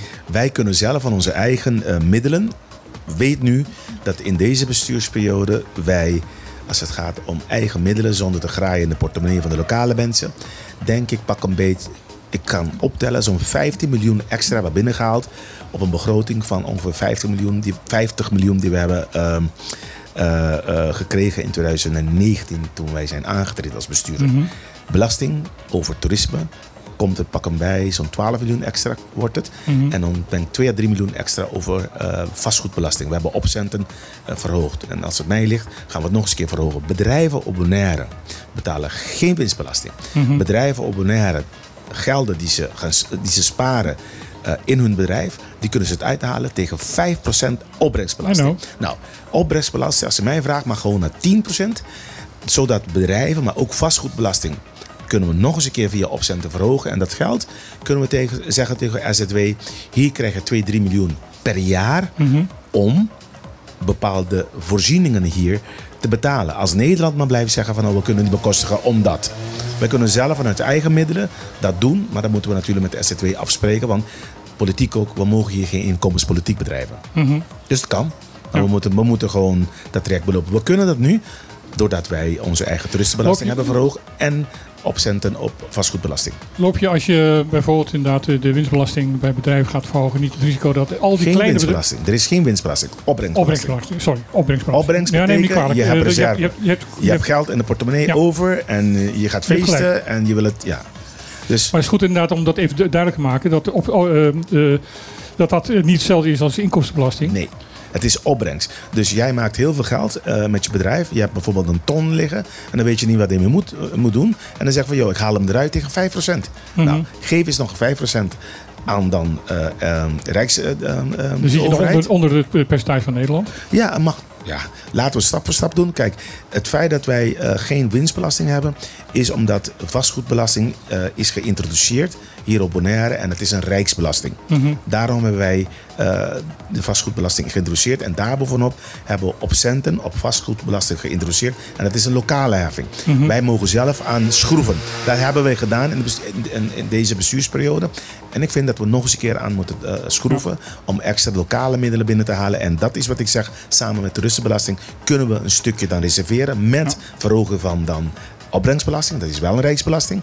En met dat optelsom vind ik dat wij de mensen aan de onderkant van de community kunnen helpen. Je moet wel inderdaad even, even nog, nog specificeren, denk ik, dat eh, bij opbrengstbelasting eh, alleen de grote bedrijven belast. En de kleine bedrijfjes die bijna geen, extra, geen winst of opbrengst eh, blij zijn dat ze rond kunnen komen, die hou je buiten schot. Maar dat is toch goed? Ja, dat, dat, Ja, dat, ik, ik probeer, Klopt, ik probeer duidelijk. Dat, dat duidelijker te maken. Ja, dat is goed. Ja, je raakt de wat grotere die veel over hebben. Ja. Goed punt. Ja, ik, eh, kijk, iedereen kijkt naar mij. Ja, Eh, ja ik- we kijken wel vaker naar jou, maar dat heb je niet in de gaten, omdat jij Ja, dan op je ja, telefoon ja. zit te kijken. ja, ik zit nu even op mijn telefoon te kijken, maar dat gaat over een ander onderwerp. Maar ik denk dat dat wel een grote reden is waarom veel ondernemers deze kant op komen. Omdat de winstbelasting zo laag is. Nul. Dat ze denken, Het is nul. dat, dat gaat hartstikke goed. Het Dus ik ga daar rijk worden. Maar We hebben geen winstbelasting. We hebben geen minst. Nee, het is dat nul. is niet. Maar het is juist zo gemaakt om de economie te stimuleren. Kijk, vroeger was het zo binnen de Nederlandse-Italiaanse constellatie. eh, je moest. Ja, eh, het, is- het is creatief- nul zolang je het, geld binnen het bedrijf Exact. blijft. Anders Dat- is het vijf als je hem eruit haalt. Maar vroeger moest je blijkbaar creatief boekhouding doen. Om, om, om het geld wat je maakt te investeren in je eigen bedrijf, et cetera. Nu hoeft dat niet. Je houdt het geld gewoon in je bedrijf. Je gaat het sparen. En wil je dat ooit uit je bedrijf halen, dan betaal je enkel maar 5%. Ik bedoel, eh, winstbelasting was vroeger wat 20, 30, soms 40%. Ja, maar we kunnen niet garanderen dat die ton die dan eruit gehaald is op, met 5% winstbelasting, dat die ook op Bonaire uitgegeven wordt. We kunnen ook niet Want garanderen gaan ook dat je die ton verdient. Nee, ook dat nog eens. exact. Maar van de andere kant zijn wij wel een, een, een, een, ja, een eh, liberale economie. Ik bedoel, het is zo geen Cuba, geen Venezuela, we zijn geen socialisten. Dus het is, het is vrij aan een ieder eh, om geld eh, die een persoon dan of een bedrijf verdient, om te geven hoe hij dat wil. Ja. Wij moeten dan instrumenten creëren om zoveel mogelijk wat er hier verdiend wordt, hier blijft. En ook met name voor de mensen die het nodig hebben. Dus daarom zei ik net, opbrengstbelasting is 5%. Ik ben voorstander om het iets te verhogen, om uiteindelijk via zeg maar SZW of wat dan ook, andere ministerie terug te investeren in de lokale community. Om de mensen die het echt nodig hebben te helpen. Ja. En niet met die drogredenering continu te komen waarom het niet kan via ministeries. Om sociaal minimum te verhogen, versneld te verhogen, et cetera. Wat vind jij ervan, eh, Elvis, dat eh, ook deze staatssecretaris uiteindelijk toch weer over eikpunten en eh, streefbedragen en al dat soort dingen heeft? Nou, de minister van eh, Armoede heeft in ieder geval heel concrete stappen eh, gezet. Door te zeggen van eh 2025 sociaal minimum, minimumloon wordt verhoogd. Nog steeds stap voor, stap voor stap. Maar het is de koppeling met Centraal Dialoog heeft dan een akkoord, Kralendijk. Mhm. Dus wij zijn in ieder geval dichterbij. Wij hebben als Eilandsraad een motie aangenomen, 31 augustus vorig jaar. dat wij zeiden van laten we dat niet stapsgewijs doen. Laten we dan in één keer een Caribische toeslag introduceren. Mhm. Iedereen die dan onder het sociaal minimum eh, inkomen heeft, een Caribische toeslag geven en stapsgewijs als de economie groeit en mensen meer lonen eh, eh, eh, uiteindelijk krijgen, die, dat, dat Caribische toeslag uiteindelijk verlagen. Nou, hebben we geen gehoor eh, gekregen hiervoor. En ik kijk natuurlijk in de richting ook van Michiel. Hij heeft ook jarenlang hier ja, zijn nek gestoken voor, voor dit dossier. Dat is één. Dus ik, ben, ik vind het. Ik vind het totale onzin om continu te praten over stip op de horizon. De stip is al lang achter de horizon Ja. verdwenen. Dus ik vind het, ik vind het schande. Ehm, En ik hoop het feit dat er nu ehm, concrete data zijn genoemd en stappen zijn eh, gezet, dat wij kunnen doordrukken dat het versneld eh, ingevoerd wordt. Daarbovenop krijgen we wel ehm, gedoe van inflatie die wij niet op hebben gerekend. Dus het, nog, het komt nog harder aan. Goed, jongens, nu een ander onderwerp waar we het over kunnen hebben. Ja, laten we een beetje, een beetje weer het nieuws eh, gaan eh, bewerken. Eh, want, eh, we hebben nog 20 minuten. We laten onze arme tafelheer eh, nu de Ja. hele tijd maar allerlei... eh, Ja, ik wil het graag hebben over de. Kaya Grandi. Ja, ja, Ja. inderdaad. Want dat was, eh, dat is, eh, is dat gisteren gebeurd? Gisteren, eergisteren? Eh opeens zagen we op social media eh, allemaal foto's van... er, is, eh, er is gisteren een, persconferentie dat geweest. was gisteren. Eh, eh, van wat er allemaal ga- gaat veranderen. Ehm, ja, kun, kun, kun- jij dat een beetje samenvatten wat, het, eh, wat er gaat gebeuren? Ik ben van de week van de fiets gevallen in de Kijkrandi door de slechte bestrating. Dus ik ben heel blij met deze plannen dat de Kijkrandi eindelijk wordt aangepakt. Maar voor jou is het te laat. Het is wel een week te laat, ja, absoluut. ik heb een kapotte knie, kapotte pols, maar een kapotte fiets ook nog eens. Bedankt fietsenmaker dat je hem weer hebt eh, veilig gemaakt. Maar goed, de Kijkrandi die eh, moet dus aantrekkelijker gemaakt worden. En dat heeft uh, Henderson Tielman gisteren gepresenteerd. Prachtige persconferentie. Ook allemaal weer op de socials te volgen. Dus hè, toegankelijk voor iedereen, hartstikke mooi gedaan. Ehm, en mooie plaatjes erbij gemaakt. Met bloemetjes. Ja, overigens en ook dit, ook En dit. bomen. En bomen, inderdaad. In bloei ook nog eens. Ook dit weer architect Gino Albersi. Ja, ja, ja. Eh, ja, ja. eh, maar ook, eh, ehm, eh, hoe heet die, André Apollinario. Ehm, eh, Wat ik wel zeer voor de getalenteerde mensen trouwens. getalenteerde mensen en allebei van Bonaire. Ja, Ja. En dat vind ik een groot Ja. voordeel. Ja, absoluut. Eh, het ziet er heel mooi uit. Ik, ik heb er nog wel wat vragen over. eh, eh, zoals bijvoorbeeld... het is me namelijk niet helemaal duidelijk wat ze nou allemaal gaan doen. Ja, het er wordt, het stonden wordt nog alle- wel verkeersborden. En inderdaad mag je nog met de auto door dat stuk heen. Waarvan ik denk, maak de auto luw. De, de, de, Maar dat is Ja, maar dan ga je echt heel veel ruzie krijgen met heel veel Bonaireanen. ja, want die, klopt. eh, Dan kun je je achtje niet meer rijden nee. hier. Dat weet ik. Ja. De bestratingen Ja. zijn eh worden keien. Maar ehm, eh, weten we iets over een parkeerplaats in het centrum? Ja. Daarbij. Ja? Weet je? Komt, eh, nou, jij kent het hele plan Ja, natuurlijk. nou, niet alles. Ehm, volgens mij eh zitten er nu iets van 20 parkeerplaatsen klaar. Kajakran die wordt 16 of zo. Dus we zijn dan, eh, als het klaar is, vier kwijt. Maar er komt achter het postkantoor een grote parkeerplaats... waar vroeger oude, gevangen, of de ou- oude gevangenis zat. Ja, ja. Daar komt een hele grote parkeerplaats met ook faciliteiten. Daar, komt, daar kan Er staan nu events worden een heleboel stenen staan daar geparkeerd. Ja, maar, die, volgens mij zijn die klinkers bedoeld voor Kaya Grandi. Ja, oké. Daar wordt het ook uiteindelijk ja, beklinkerd. Oké, dus, dus die kunstmuur die erachter zit, die eh, is nog niet verloren. Ik weet niet wat het uiteindelijk gaat worden. Maar ik heb gehoord van, eh van Hennison, heb ik gedeputeerde Tielman vanochtend even gesproken. Over een maand komt een persconferentie daarover. Oké. Ik heb Ja. gehoord dat het een Openheid, overdekt, ik hou ervan. een overdekt parkeerplaats wordt. Overdekt. Een overdekt parkeerplaats. Als het aan mij ligt, dat komen zonnepanelen op voor de elektra, et cetera. En, Nou en, en schaduw, je auto minder heet, al dat soort zaken. Dat zou mooi zijn. Ja. Ja, Nou. ik ben voor ieder, ik ben voor klinkers. Ik ben, ben een klinkerfan. Oké. Dat heeft ook met mijn familie te maken. Mijn grootvader was de klinkerdokter eh, de, de- van... van eh, Achteraan was meneer de Klinker. nou, E-I-O-U. eh, hij was eh, de chemicus die in de klinkerindustrie in Nederland eh, voor en, en, en tijdens net na de wereld, de Tweede Wereldoorlog de, de klinkerindustrie in, eh, in kwalitatief gebied eh, enorm verbeterd heeft. Wauw. Oké. Dus ehm, ik, ik weet ook als een van de weinigen waar de naam klinker vandaan komt. Vertel. Ehm, als je gebakken klinkers hebt, want je hebt nu tegenwoordig ehm, eh, ges- gestorte klinkers, dat zijn, zijn, zijn, cementklinkers. Maar als je van, van natuursteen, van, van natuurklei klinkers bakt, en je, je slaat twee klinkers tegen elkaar, dan geven ze een toon. Hoe hoger de toon is, hoe harder de, de steen.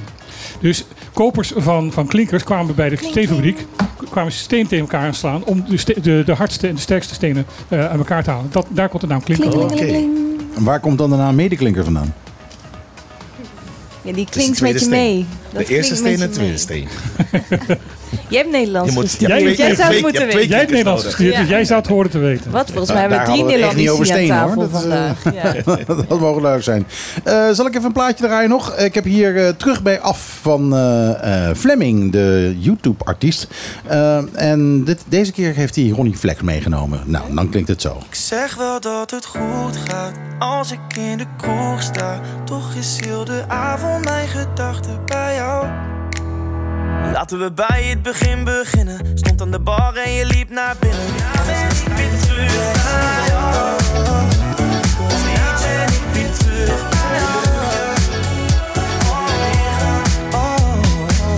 Ja, Fleming heet hij. En wat is hij echt, hè? Wat is hij echt? Ah, ja, ja, ja. Ja, ja. ja, Fleming, ja. Ik vind hem heel leuk. Elk liedje dat is wel on, eh, on point van hem. Ja, maar ik vind, maar serieus, ik bedoel, natuurlijk, de André van Duin zegt, oh, wat is hij echt? eh?" Ja, hij is hartstikke echt. Maar eh, hij is echt echt. Ik, hij, is, hij, is, eh, hij heeft geen capsones gewoon, die jongen. Het is echt, eh, eh, gewoon met, met zijn eigen stemmetje zingt hij die dingen. En, ja. ja, ik vind hem, ik vind hem heel... Het is net een beetje een schoolmeester die een liedje heeft gemaakt om alle jongeren een beetje nou, te nee, nee, dat vind ik helemaal niet. Ik vind hem helemaal- helemaal niet schoolmeesterig. Integendeel, ik vind hem juist meer een schooljongen die op een gegeven moment denkt... nou, weet je wat, ik ga liedjes zingen, is hij op YouTube gaan doen. En opeens is hij populair. Ben toch bang dat ik een andere muzieksmaak heb. Nou ja, ik, wil, ik, ik, ik, ik probeer een beetje mee te praten met nu. Ik zal, ik zal het ook niet kopen, maar eh, eh, ik hoor liever dit dan... eh, Ik vind gewoon 13 een dozijn. is, het, is het misschien ook wel, maar ik hoor nog steeds liever dit dan, eh, eh, dan die posers als een André van Duin... uit André van Duin, moet mijn horen. André Hazes junior. Eh, dat, eh, Ja, laten we daar geen woord meer over aan laten we, Ja, laten we- nou, ja. Tijd voor eh Bonaireaanse cultuur, alsjeblieft. Wat, nou, er is cultuur? genoeg te doen school. dit weekend. Oh, school. Ja, we hebben vorige week hier ehm, onder andere Vera Dolme van de, het koraal aan de, aan de tafel gehad. Eh, die heeft verteld over dat zij een poging aan het doen is om van de privéschool het koraal een normale school te maken die bekostigd kan worden door het ministerie van ehm, OCW. Ja.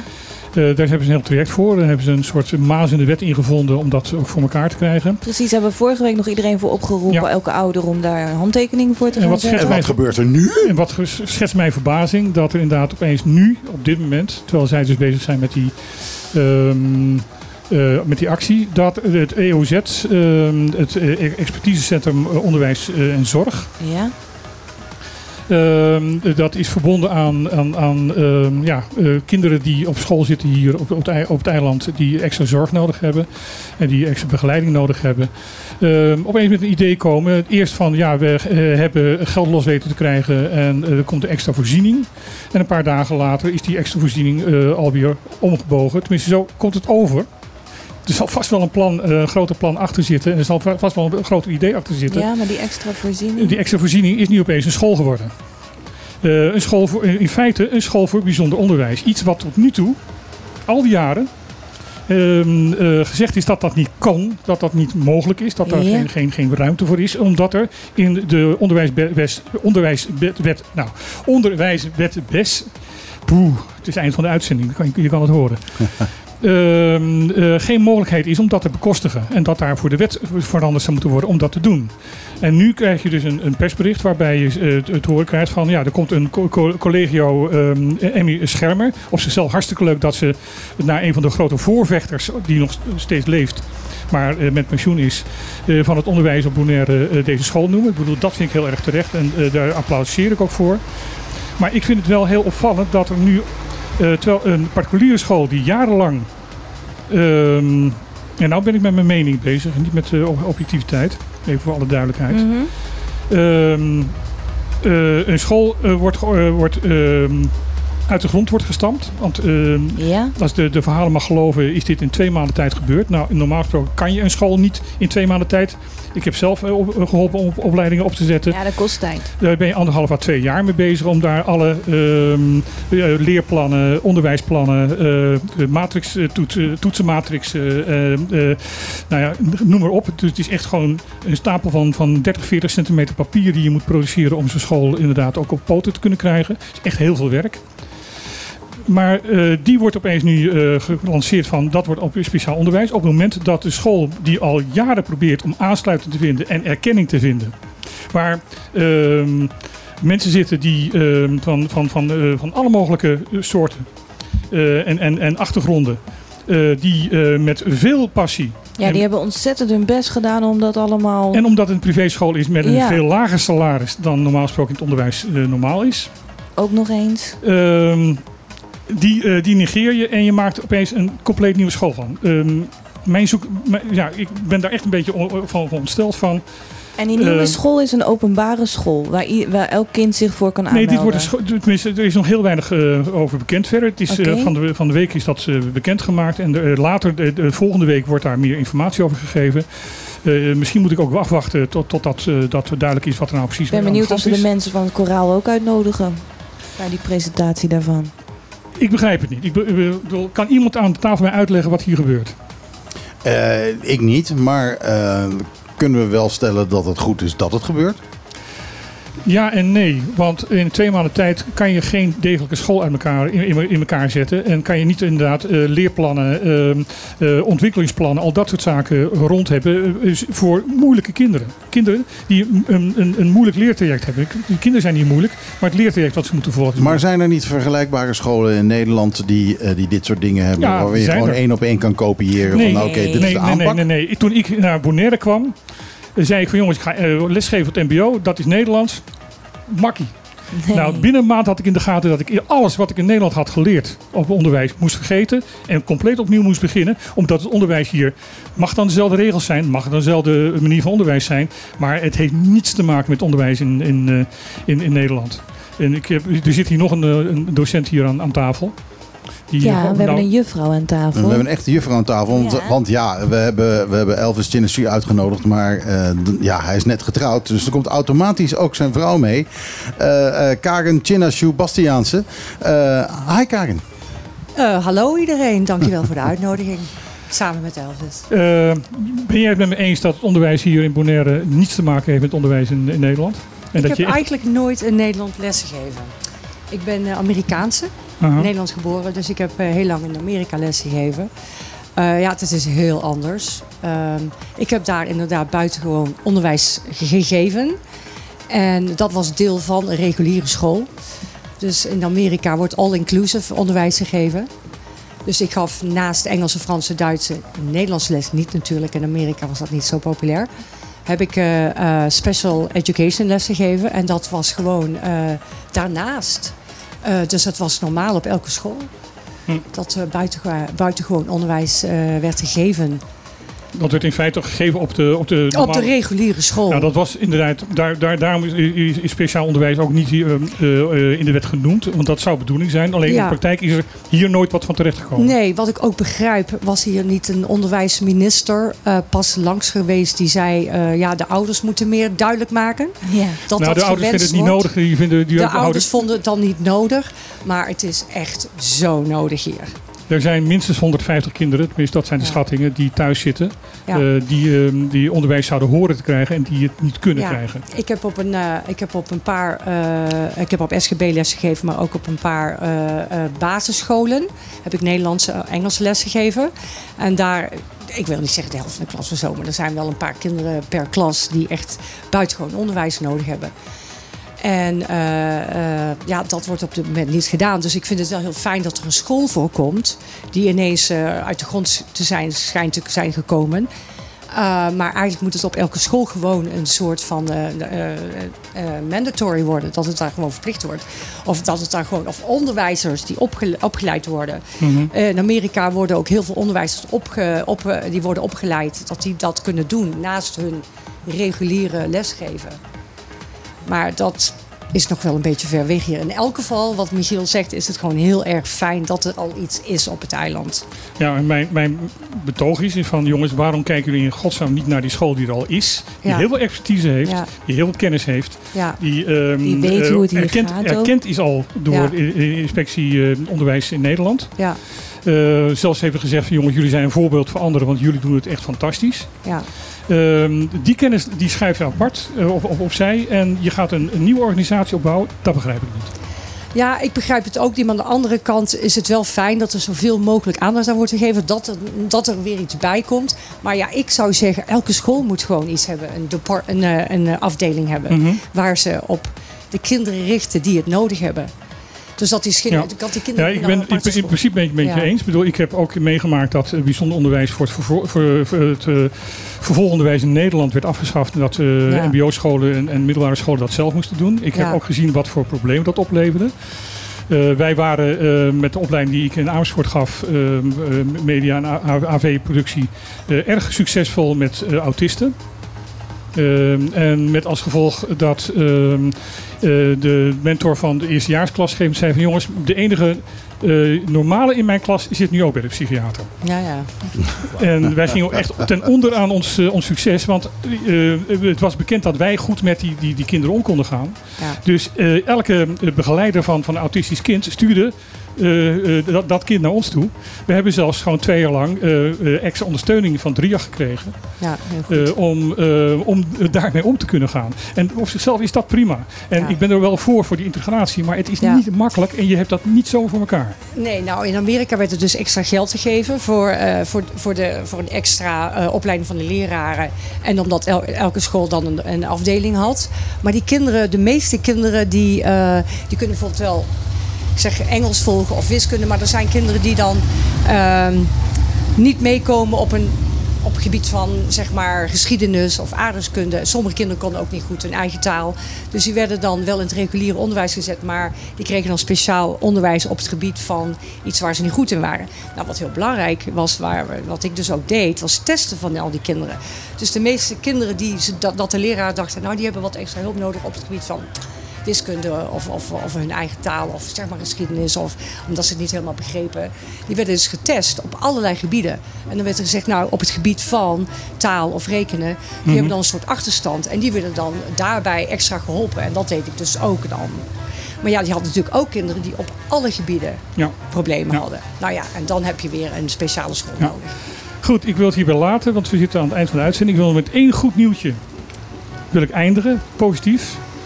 Eh, volgende week eh, is er Arubaans zand te vinden op de maan.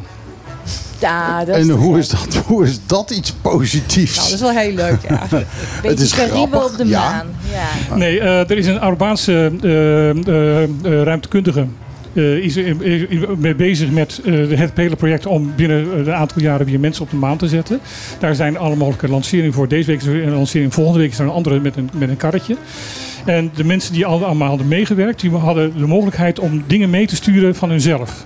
Hij heeft, eh, de, de wetenschapper zelf heeft eh, haar van, zijn, van zichzelf, een streng van haar van zichzelf, van zijn vrouw en zijn kinderen meegestuurd.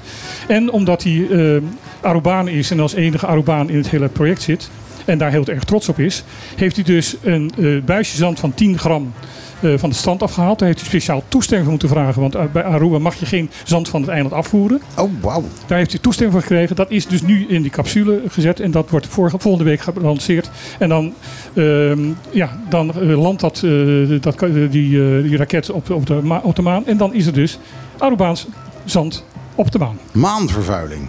Ik zeg het je, het is maanvervuiling. Schandalig. Eh, nou ja, Nou, je eh, zou zeggen, Aruba heeft een slogan, One Happy Island. Dan kan dan op de maan een, slogan maken, One Ja, Happy Moon. Kijk, eh, ja, nou ja, als Aruba met een One Happy Island kunnen we daar dan niet alle mar- marihuana's sturen. Dan zijn we daar ook nog vanaf. Daar heb ik geen mening over. Vind, vinden ze zelf mooi. het is afgelopen eh, voor nu. Ik wil heel erg graag eh, natuurlijk al onze gasten bedanken. Met in het bijzonder onze tafelheer eh, eh, Elvis, die de kop heeft afgebeten van eh, politici als tafelheer. Eh, vond je het te doen? Het was niet alleen maar te doen, het was superleuk eh, om in deze setting informatie te geven. Ga je het aan je collega's aanraden? Sorry? Ga je het aan je collega's aanraden? Ik ga het aanraden. Super. Zeg maar dat leuk. we niet bijten. En Michiel Nee, is helemaal nee. niet zo gemeen. Nee, het was heel leuk. Niet zo gemeen Ik- als Het ik is voor de herhaling zelfs vatbaar. Nou ja, eh, ik denk dat we daar zeker nog wel mogelijkheden toe zullen hebben in de nabije toekomst. in ieder geval voor de verkiezing zeker. Zeker. Ehm, eh, ik vond het wel erg leuk om je hier te hebben. Eh, goed om je te horen. Goed om ook om je eventjes af en toe te horen als Elvis. Ik, ik denk ook dat ik anders. ik, ehm, ik heb je anders leren kennen. Dankjewel. En dat vind ik erg plezierig. Super, dankjewel. Ja, Dus, eh, helemaal tof. Ja. Eh, nou goed, eh, we gaan er een, een eind aan breien. Zoals gezegd, straks dan posten we op Facebook de resultaten van het WOP-verzoek. En dan kan iedereen daarnaar kijken, eventueel reageren onder, onder dat postje. Te vinden Megahit FM op de klippen op Facebook. En ik denk dat dat ergens in de komende twee uur gepost gaat worden. Ehm, verder kun je dit programma natuurlijk terugluisteren. Ehm, en ik vergeet altijd het, het adres, maar dat heeft Martijn. Eh, wat is het? M, MF, eh, Megahit FM, MHFM, MHFM? eh, lokaal nieuws. Ja, lokaal nieuws. Daar kan je, Dat- daar kan je het op elk podcastplatform kan je dat vinden. ja, dus een, eh, dan kun je de podcast vinden. Daar zit de muziek niet in. Wil je de muziek wel horen, dan moet je even de link opzoeken die we straks gaan posten. Zal Ehm, ergens, eh, ook op de Facebook. ergens in de middag volgende week, eh, morgen eh, gepost worden. Want ik ga eerst Formule 1 kijken. Ja, natuurlijk. Eh, in ieder geval eh, op Soundcloud eh, wordt die dan gepost. En dan is het met de muziek. Voor hier en nu is het afgelopen. Eh, zometeen na het nieuws hoor je eh Ron Gijzen met de, eh, met de top 20, de Cloud Top 20. En wij zijn er volgende week natuurlijk om 12 uur gewoon weer op deze plek. 101.1 FM Megahit. Ehm, en met z'n allen zeggen we nu... Ajootje, cadeautje.